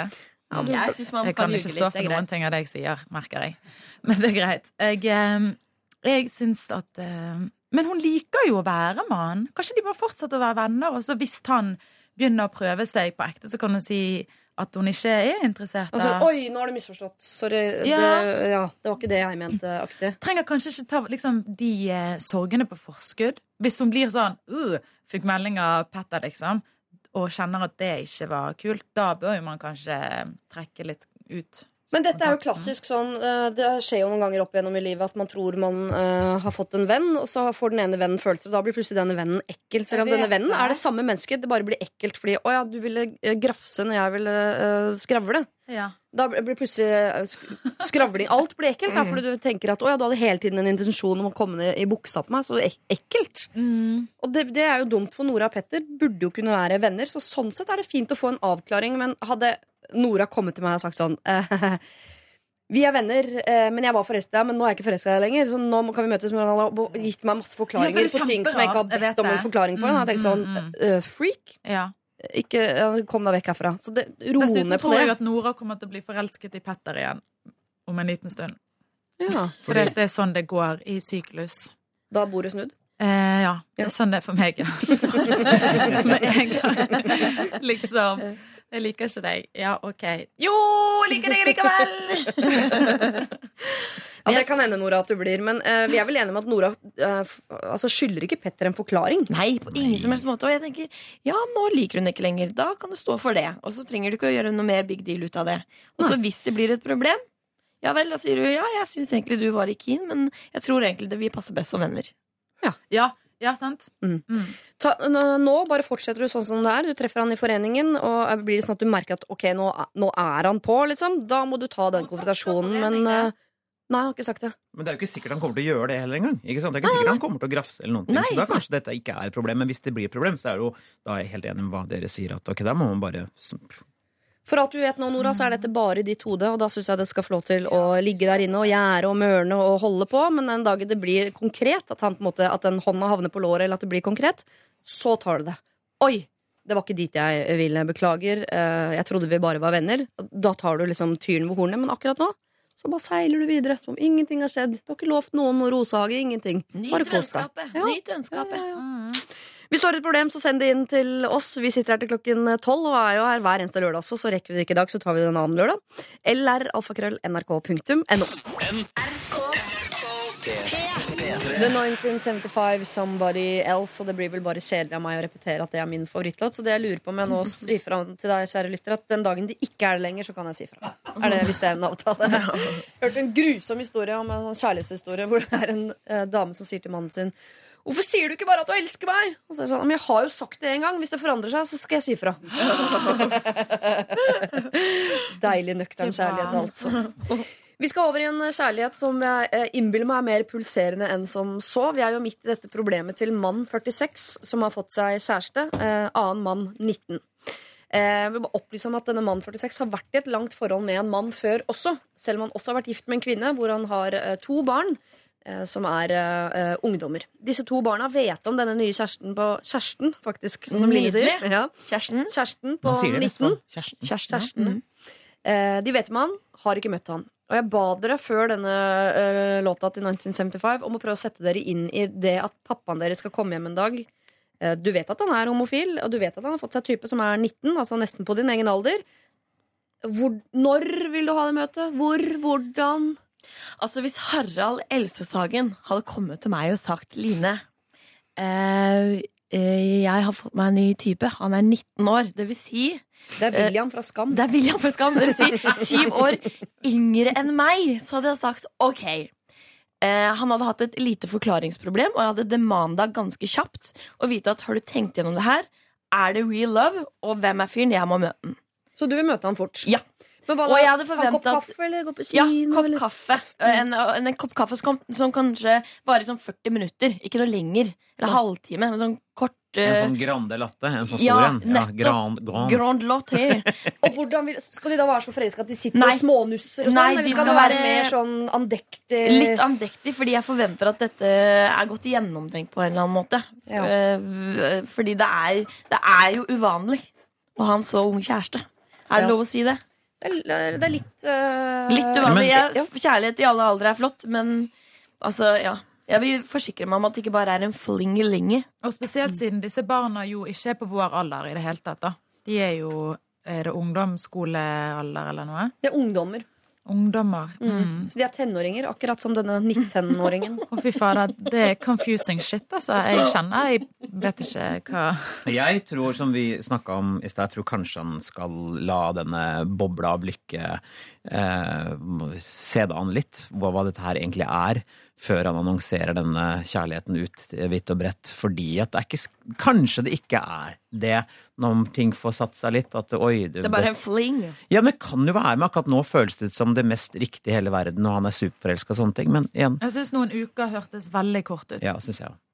De lever her og nå og nyter ting som det er. Og jeg tenker, ja, Det er fint å leve her og nå og nyte ting sånn som det er, men og man skal ikke liksom Jeg tenker at jeg liker at folk hopper inn i ting med begge beina. Sånn, Det er dette, og ikke ha noe sånn Nei, beholde leiligheten i Oslo tilfelle. Det kan jo bli slutt og tilfelle og tilfelle og tilfelle hele tiden. Det blir ikke noe stor særlighet av å tenke hva med i tilfelle og hvis som dersom. Men jeg ja. Men øh, hvis det er en hel familie rundt som syns ting er vanskelig, så bare øh, bruk tida. Jeg vet at man skal på en måte tenke at, eller tenke på seg sjøl og være glad for sin egen lykke, og nå når han endelig har funnet liksom alt dette her, denne yrende forelskelsen, liksom. Men jeg er òg veldig fan av at man kanskje tenker på hvordan disse tingene vil påvirke de rundt, liksom. For det er jo det er barn inne i bildet, og det er, det er heavy uansett om de smiler eller ler, liksom. Og hva liksom Jeg bare syns det er vanskelig å Ja. Men jeg tror vel kanskje at vi er enige med jeg det. At, det, at noen uker er nok Det er, kort, nok. altså. Det er ikke nok. Og jeg vil bare poengtere at eh, Grunnen til at vi syns dette er vanskelig og må vente, og i det hele tatt, sånn, det handler ikke om at eh, begge Nei. er menn, det handler om alderen. det. Fordi hadde handler- ja. kjæresten til Johannes 46 vært eh, 39, Mm. så ville vel eh, diskusjonen hørtes annerledes ut. Ja, ja, ja, selvfølgelig. Ja. For det høres Ja, iallfall ut som noe som Ja, ja, ja. ja. Så er det noe med det 19. Jeg føler at når du er sånn 25-26, begynner det å skje Da finner man kanskje etter hvert en viss ro i hjernen. Har ikke fått, jeg er ikke helt der enda, men det Fontanellen er på plass. det, det, det, det er noe som begynner å skje, i hvert fall. Ja. Når du er 19, da er du fortsatt litt ute på vide veier, ass. Og det er, det er litt den, altså 26-19 altså, Ja, jeg føler det er litt sånn magisk grense rundt sånn 24-25-26-ish. Møtte rimelig mange The One etter fylte 19 i mitt liv, for å si det sånn. Mm. Og hver eneste gang så har jeg tenkt sånn Nå er jeg ferdigfesta, nå skal jeg slå meg til ro. Men Jeg kunne, visste, ingen, visste ingenting da jeg var russ. Da var jeg 19. Altså Jeg var nettopp russ. Altså, det vil si at hjernen min har ikke begynt å skru seg på engang. Men jeg sier ikke at det er tilfellet her. Det er bare at man Du er ikke ferdigutvikla. Jeg tipper gutt 19 her er mer enn den vanlige gutt 19 rett ut av militæret. For det tror jeg ikke mann 46 hadde falt for. Så Nei, han er nok en åpenbart. fyr med livserfaring. Og, Garantert. Han har skrudd på hjernen og alt det der. Men allikevel, vi er vel eh, fire av fire er ganske enige om at ja. vi heier på kjærligheten. Dette høres veldig bra ut. Kos dere. Ikke bring problemene inn allerede nå. eh, men vent litt grann før dere tar opp dette her med familien. For dems skyld, men også for deres egen skyld. Så uh, sitt rolig en stund til. Og så tar dere en eh, stor, en grand caffè latte. Yes! Mm. Og, så, eh, og så tar vi det derfra. Lykke til.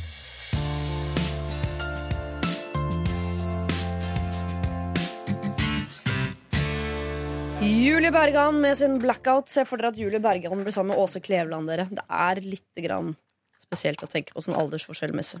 Ja, det er en smule merkelig. Smule merkelig. Eh, Det er ikke en faktaopplysning fra Lørdagsrådet. De er absolutt ikke på dealeren, Julie Bergan og Åse Kleveland. Bare sånn at det, sånn at det er av bordet på alle mulige måter. Christer Torjussen, Line Elfsås Hagen og Gabrielle, vi skal uh, til en dame som uh, jeg tror mange kjenner seg igjen i, eller kjenner seg igjen i å ha ved sin side. Kjæresten min har veldig kort lunte i trafikken, og jeg blir noen ganger ganske redd når jeg sitter på med han. Særlig når det kommer til eh, folk som kjører sakte, og han vil helst sneie forbi og har null tålmodighet. Han skylder på at det er gamle damer og snakker skikkelig stygt om dem, som å gi de overdose eller lignende. Dette gjelder også i rushtid, hvor det er kø som går sakte, og ikke en enkel dames øh, skyld eller feil. Han blir så irritert at når det øh, endelig er klar bane, så speeder han på øh, så jeg trykkes bakover i setet. Jeg har prøvd å si fra at han må beregne bedre tid, eller at han kan sette på noe musikk eller gjøre noe ut av ventetiden, og at det ikke hjelper å kjefte.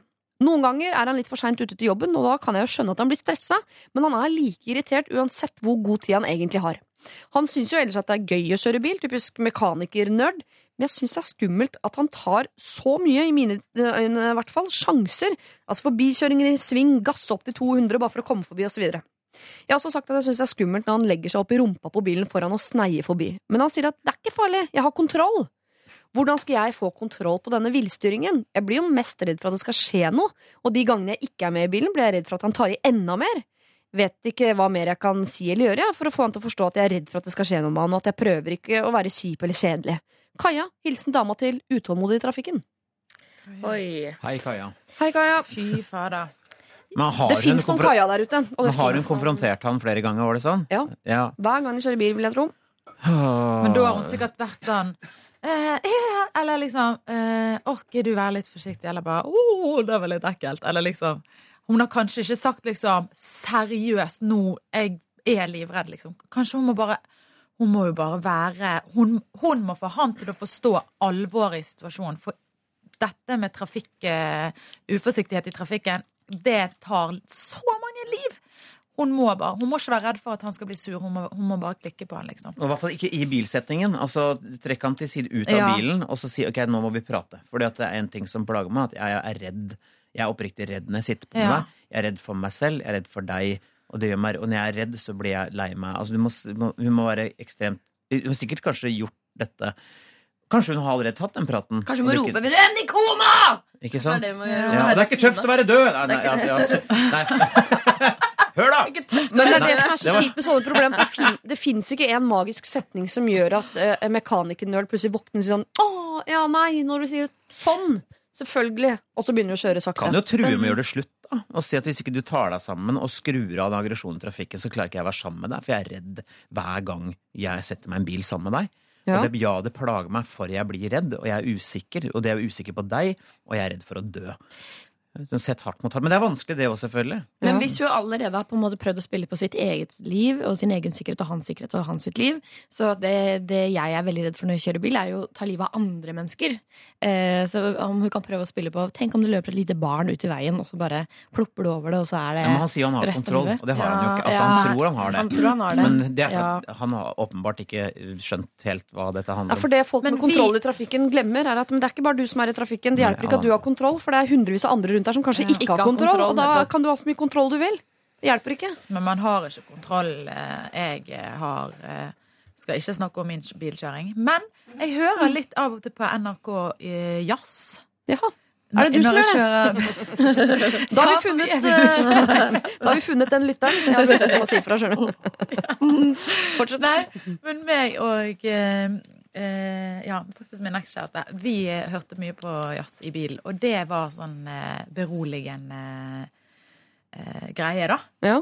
Det kan liksom være veldig mye kaos rundt, men inni bilen som funket. Men jeg innser allerede nå at det er et veldig dårlig tips til en mekanikernerd å sitte på NRK jazz i bilen. For å er problematisere, for å problematisere litt, så er det Ja. hvis du utgangspunktet er en sånn aggressiv bilist, Ja. så er du også det på andre ting også. Det har noe med tålmodighet å gjøre, hvordan du på en måte jobber med deg selv i forhold til eh, Ja, og det vil si at jeg tror ikke det er bare der han måtte ha dårlig tid. Ja, men jeg har kontroll og Jeg syns jo han høres helt for jæklig ut. Unnskyld at jeg sier det. Ja, men at hun, hun, De tingene hun forteller om at han sier og gjør i trafikken, liksom, det er jo Jeg, jeg, altså, jeg forstår at man kan bli sur. Jeg kan bli veldig sur i trafikken sjøl, så jeg, jeg er ikke noe sånn eh, eksempel der. Men eh, ja, sånn som du sier, at liksom, hvis han er sånn i bil, så liksom Ja, det tror jeg. For at eh, hvis det, det er en sånn typisk eh, varseltrekant på, på andre ting også. Eh, hvis du på en måte tenker at ja, men jeg har kontroll og jeg gjør som jeg vil og bare slapp av. Herregud, jeg, orker, jeg tar ikke hensyn til dine følelser her, sånn glem det. Så bare, ja. Ja. Nei, vet du hva, man får en annen personlighet i bil, altså. Gjør man det? Ja, Nei, noen men gjør jeg det. har, jeg har gitt beskjed om og sagt liksom at jeg syns noe har vært skummelt, og sånn, og da har jeg fått sånn ja, beklager, liksom, jeg skal kjøre rolig. Liksom, man tar jo hensyn, og jeg er sjøl opptatt av i bil at folk skal føle seg trygg. Ja. Men det høres jo ikke ut som han er. Men går det an, hvis, eh, hvis han begynner å kjefte, så kan du bare vræle tilbake eller noe? Bare for å overdøve den. Må nødt Så er det sånn, fra, ja. Hvis han sier 'Å, fy faen, jævla et eller annet', så begynner du sånn «Rør, rør, rør», Bare for å liksom Sånn til holde kjeft. Liksom. Eller Går kjøpe det sånn eh, strømhalsbånd som man har til bysser så man får Ja. litt grann elektrisk Ja, ja, ja, ja. hver gang. For det er han- kjempelurt i trafikken. Ja. Ja, ja. Eller belønning. Altså, du kan si sånn du får ti Nonstop hvis du ikke er sinna nå. Eller et eller annet som er Eller litt kulere enn kanskje hun Nonstop. ikke kan sitte på med han.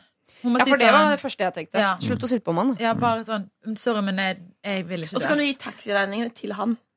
Nei, han høres ikke ut som han vil betale det. Jeg tror, jeg tror det å si vet du hva, jeg klarer ikke å sitte i bil sammen med deg, for jeg blir redd. Eh, Ja. Jeg vil ikke være i bil sammen Men det er viktig for meg at hun vet at det som din kjæreste gjør, det er ikke OK.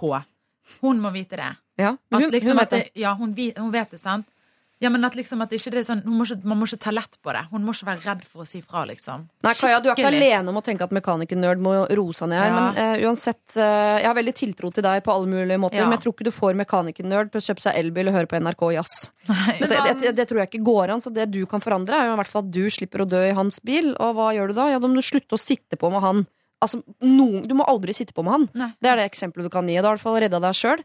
Hvordan du skal redde han og alle de andre millionene med menneskene som er ute i trafikken hver eneste dag. Det, hadde vi visst det, så hadde vi hatt en kampanje gående.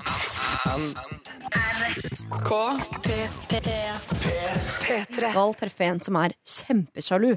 Eh, hvis vi skulle gitt oss selv eh, terningkast da, på hvor sjalu vi er, hva, hvor er du der, Christer? Mm, jeg har aldri vært sjalu. Jeg ble sjalu når uh, forholdet røk, for da tenkte jeg åh, da var det sikkert noen andre. Ja. Og så var det ikke det. Og så ble jeg sånn utrolig sånn veldig mistenksom og sånn, og kasta bort sikkert ekstremt mye tid på det. Men jeg håper jeg ikke blir det igjen noensinne, for det er bare teit. Det er, Vanligvis en ener, men uh, snuste på sekseren der, eller? Ja, vi var oppe i en, eh, vi var oppe en god sekser der, altså. Og Ja. tolke enhver situasjon feil og i det hele tatt. Så jeg håper jeg ikke må gjennom den mølla en gang til. Åssen er det med deg, Line? Eh, Jeg har kjempegod fantasi, Ja. så jeg har eh, vært på sekseren mange ganger. Rett og slett. Ja. Ja. Så det ligger meg nært. Hva med deg, Gabrielle? Ja. Sjalu type? type? Jeg sånn så tenker at jeg ikke er sjalu, og hvis jeg er i på en, måte, en trygg eh, institusjon i et forhold, Oi, hørte så, så er det på en måte Nei, altså, jeg, jeg tror det der er sånn som andre svarer, de som har vært sammen med meg, kanskje kan svare på bedre enn meg, men jeg kan bli ganske Jeg òg er utrolig kreativ. Og kan bli et sånt orakel, som meg og venninnen min kaller det. At vi lager en alternativ sannhet i hodet Ja. eh, som er 100 reell, liksom. Og så så destruktivt som det er. Det er kjempedestruktivt, og det er noe som man er nødt til å jobbe med seg sjøl. Eh, og være ærlig med sin partner om. Men det er jo så lett å være detektiv i da, hvor du bare kan liksom, du finner noen festbilder på Facebook, Ja. og så tenker du står ikke de litt nærme nå, egentlig? Er, ser ikke de litt for blide ut sammen nå, egentlig? Og så er det jo Litt sjalu og god fantasi på toppen der. Så Ikke sant? har vi det Og rullende. Facebook. Ja. Da Okay, Ok, men Det er kjempevondt òg. Det er som det går på selvtilliten. og selvbildet ditt Ja, er så, ja, det, er det det går på. Ja, ja. Det er du som lager de Man føler seg som en liten eh, rosin. Ja, om ikke mindre et lite frø. Og alle andre er druer. Ja. Ta med dere eh, alle disse følelsene inn i det vi nå skal by oss ut på. Hei, jeg er en jente på 25 år som har vært sammen med typen min i fire år. Han har eh, et tidligere forhold bak seg som varte i tre år, og det var et stygt brudd. Han eh, møtte meg relativt kjapt etter bruddet, og det var eh, da litt fram og tilbake med den eksen før han slo seg til ro med meg. Det er alltid vondt å vite at, at han et par ganger faktisk valgte henne framfor meg, selv om jeg vant til slutt. Nå er vi bedt i bursdag hvor denne eksen også er invitert. Tidligere når vi har vært invitert på samme fester, hun er nemlig nå øh, venn med dama til en kompis av kjæresten, så har jeg alltid takket nei. Og jeg har nektet min kjæreste å gå også, fordi jeg vil ikke se eksen, og jeg er redd kjærligheten deres skal blusse opp igjen når øh, han får se eksen sin. Jeg klarer ikke å bestemme meg for om vi nå skal gå eller ikke. Det vil være flest av eksen sin venner på festen, så jeg har ikke så mange å støtte meg til, unntatt da min kjæreste på den kommende bursdagen. Kan godt hende jeg lager problemer av ingenting nå, men min eks var utro med sin eks, så dette er sårt. Hilsen kjempesjalu Julie. Åh, åh, Julie. Vi har vært sammen i fire år. Fire år, ja. Mm. Uh, nummer én, så tenker jeg hun må jo uh, si til kjæresten sin at hun gruer seg til festen av dette. Det ville jeg gjort. Men på den annen side så tror jeg jo, litt sånn fakta faen i verden, så tror jeg det er, det er noen mennesker jeg har vært sammen med som jeg bare alltid kommer til å være litt svak for. Uansett. Og det kan hende at eksen til kjæresten til eh, Hva het hun? Altså kjæresten til Julie, at han til fortsatt Julie, at eh, hun fortsatt kanskje er litt svak, men at det ikke nødvendigvis betyr at det er noe mer. Men sånn som jeg er fortsatt svak for han første kjæresten min. Når jeg møter han, kan jeg bli litt sånn der Litt sånn, selv om det er 100 år siden. Men det betyr jo ikke at jeg er interessert i han av den grunn. Men jeg tror det er viktig at hun er ærlig med kjæresten sin om de tinga her. Jeg tror ikke det er så viktig at han er så ærlig som det du er nå.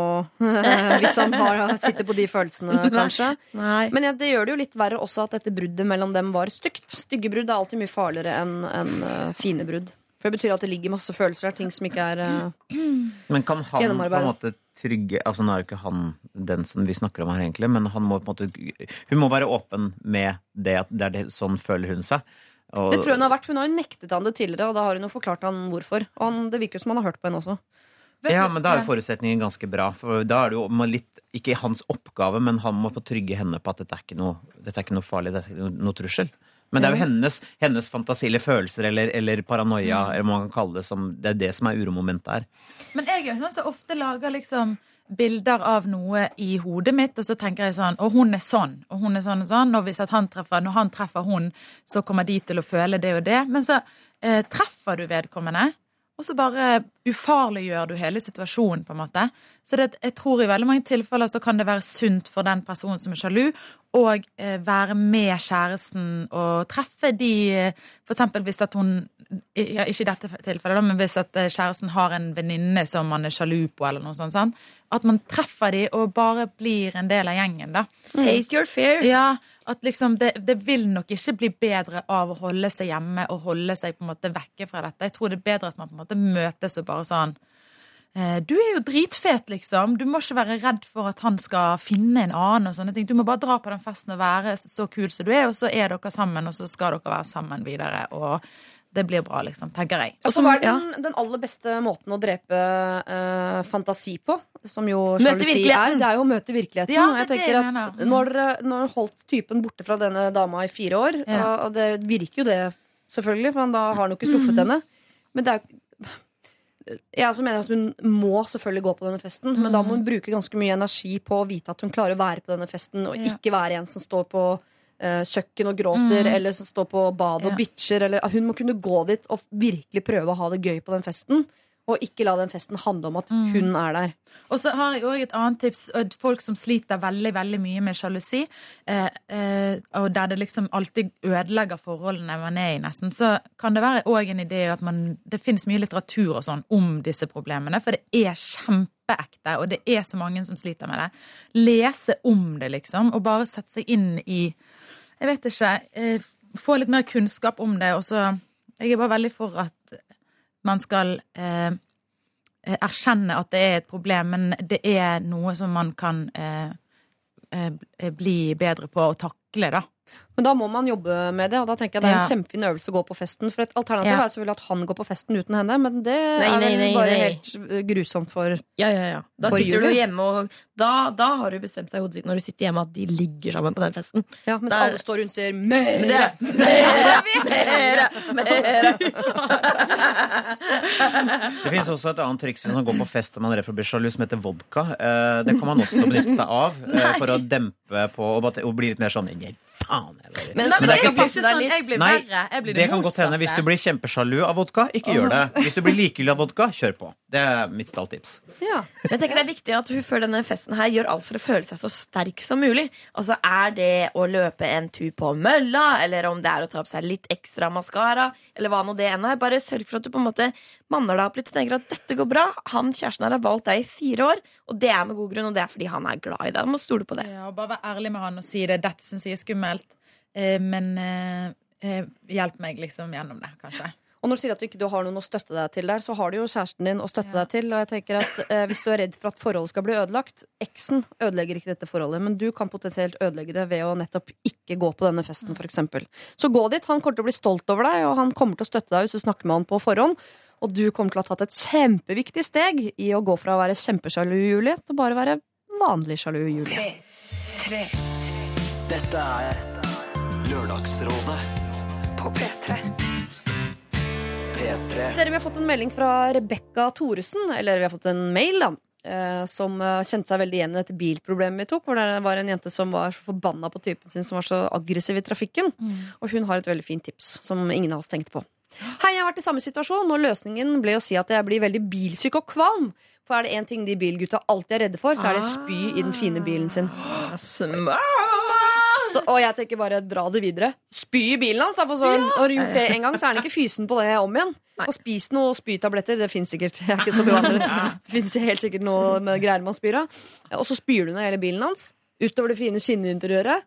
Da er jeg ganske sikker på at han roer seg i trafikken etterpå. Genial! Det er altså så genialt. Genius. Dette problemet er altså finalist til å stikke av med den fine Lørdagsrådet-koppen. Og med seg i finalen har det altså da alle de andre problemene. Jeg skal gå gjennom fra toppen. Vi eh, hadde Jørgen som eh, ba om eh, vår velsignelse til å prøve seg på barndomsvenninna til eksen sin. Den velsignelsen fikk han. Så hadde vi eh, Lotta, da, som i en uke må gå tidlig fra jobben, for hun skal på et kurs for å lære seg å beherske angsten, men hun vil ikke fortelle kollegaene sine om hvorfor hun går tidlig. Og da ble vi enige om Lotta, at du skal ta deg en uke fri fra jobben for å virkelig liksom, uh, gå helt inn i dette kurset og få mest mulig ut av det. Pia har arvet en gullring av sin oldemor og ønsker å gjøre om formen på den, men familien mener at hun bør beholde den sånn som den er. Men da vil jo ikke Pia bruke den. Du får lov til å gjøre den om, Pia. Jeg bare vil at du skulle tenke deg om litt. Lene har et uh, rart forhold til pappaen sin, ser hun. Altså et dårlig forhold, vil jeg si. Da. Han uh, virker ikke som han er interessert i henne lenger, etter at han for noen år siden var utro mot moren, og nå er sammen med denne heksa av et menneske. Finn på noe hyggelig sammen, uh, dra på en tur, men også snakke ut om de vanskelige tingene som ligger der. Alicia Keys hun har gitt nøkkelen sin til en fyr hun drev og data, sånn at han kunne låse seg inn i leiligheten. Eh, Det er slutt, og hun får ikke nøkkelen tilbake. Der var vi innom Torpedo, men det gikk vi bort fra, heldigvis. og endte vel på at du skulle ringe mora hans. Eh, Nora var interessert igjen i foreninga, eh, men så er hun ikke det lenger. Og så lurer hun på om hun skal si det til ham, men hun vet ikke om han er interessert. Og i det hele tatt, sitt helt rolig i båten. Du har ikke lovt noen noe. Johannes, 46, eh, dater en eh, mann på 19 og lurer på om eh, når han kan vise fram kjæresten sin til familien, all den tid aldersforskjellen er veldig stor. Vi mener at de skal vente litt den verste nyforelskelsen har lagt seg, før han bringer familien inn i dette. Kaja, som vi jo akkurat snakket om, denne forbanna typen i trafikken. Du har jo nå fått beskjed om at du skal spy ned bilen til typen din, så der er den i boks! Og så har vi Julie til slutt her, som lurer på om hun skal dra på eh, fest hvor eksen til kjæresten kommer til å befinne seg. Ja, det skal du. Hvem fortjener kopp? Kan jeg begynne? Ja.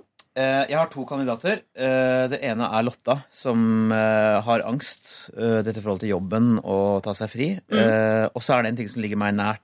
Det er jo det, hun som ville ha kontakt med faren sin. Ja. eh, Som føler hun har mista pappaen sin litt. Jeg er jo glad i de litt sånn tungtveiende problemstillingene. Og det er to jeg mener fortjener en kopp. Men kanskje mest hun som så innmari gjerne vil forsone seg med Eller komme på nett med pappaen sin igjen, da. Syns jeg fortjener den koppen. Ja. Mm. Jeg, jeg, eh, mm, min favoritt er også egentlig Eh, mm, bare fordi mm, jeg tenker at hun trenger en liten boost. Men så syns jeg også at Julie, som skal gå på denne festen med å få Hun må liksom få girlpoweren til å bare stole på at hun er bra nok, liksom. Hadde sikkert blitt også ganske oppmuntra av en eh, liten cup. Ja.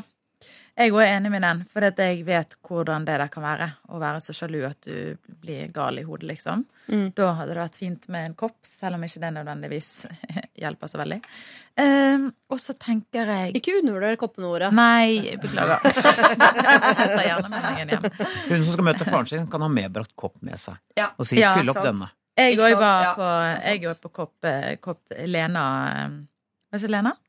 Ja, så var det Lena hun het? Lena som skal treffe pappaen sin, ja. Mm. Ja, jeg ja. òg tenkte at den eh, var, eh, var fin. Mm. ja. Hun kunne jo fått med seg kopp på det seminaret, hun som har angst òg, men eh, Men eh, alle, alle fortjener jo kopp. Herregud. Altså, Koppen eh, for Lotta som skal på seminar, kan, kan jo være en sånn icebreaker til kollegaene. Hvor det er sånn, du, Jeg sendte inn eh, problemet mitt, fikk den her tilbake, og nå skal jeg tørre å si dere hva som er problemet mitt. Men vi sa jo at hun ikke skulle si det, jo. Ja, det sa vi. Ok. ja, men hvis Ja, du har hun bestemte seg for å si det Hvis hun skulle få mot til seg. Ja, nei, jeg Så det for- Altså, hvis hun ikke gjør som vi sier, så skal hun få en kopp som belønning. Da altså, river vi bort hele grunnlaget for dette programmet her. Ja, ja, sånn, ja. Det går ikke. Nei, jeg stemmer for, stemmer for Lotta. Stem for Lotta. Lotta, eh, er det altså det er ett poeng til eh, Lotta som må gå tidlig fra jobb. Dere må bli enige. Ah, fy. Det står mellom Lotta og Lene, føler jeg. Altså pappa Ja, ja, eller angst. Jeg holder en kopp på Lena. Lena og pappaen. Mm. Mm. da gir jeg min stemme til eh, ja, faktisk Lena. Ja, for det ok. er ganske ondt, det er den der relasjonen Ja. Den, jeg, jeg, den er jeg, ond. jeg støtter opp om det. Jeg støtter opp om det. Jeg er med på det.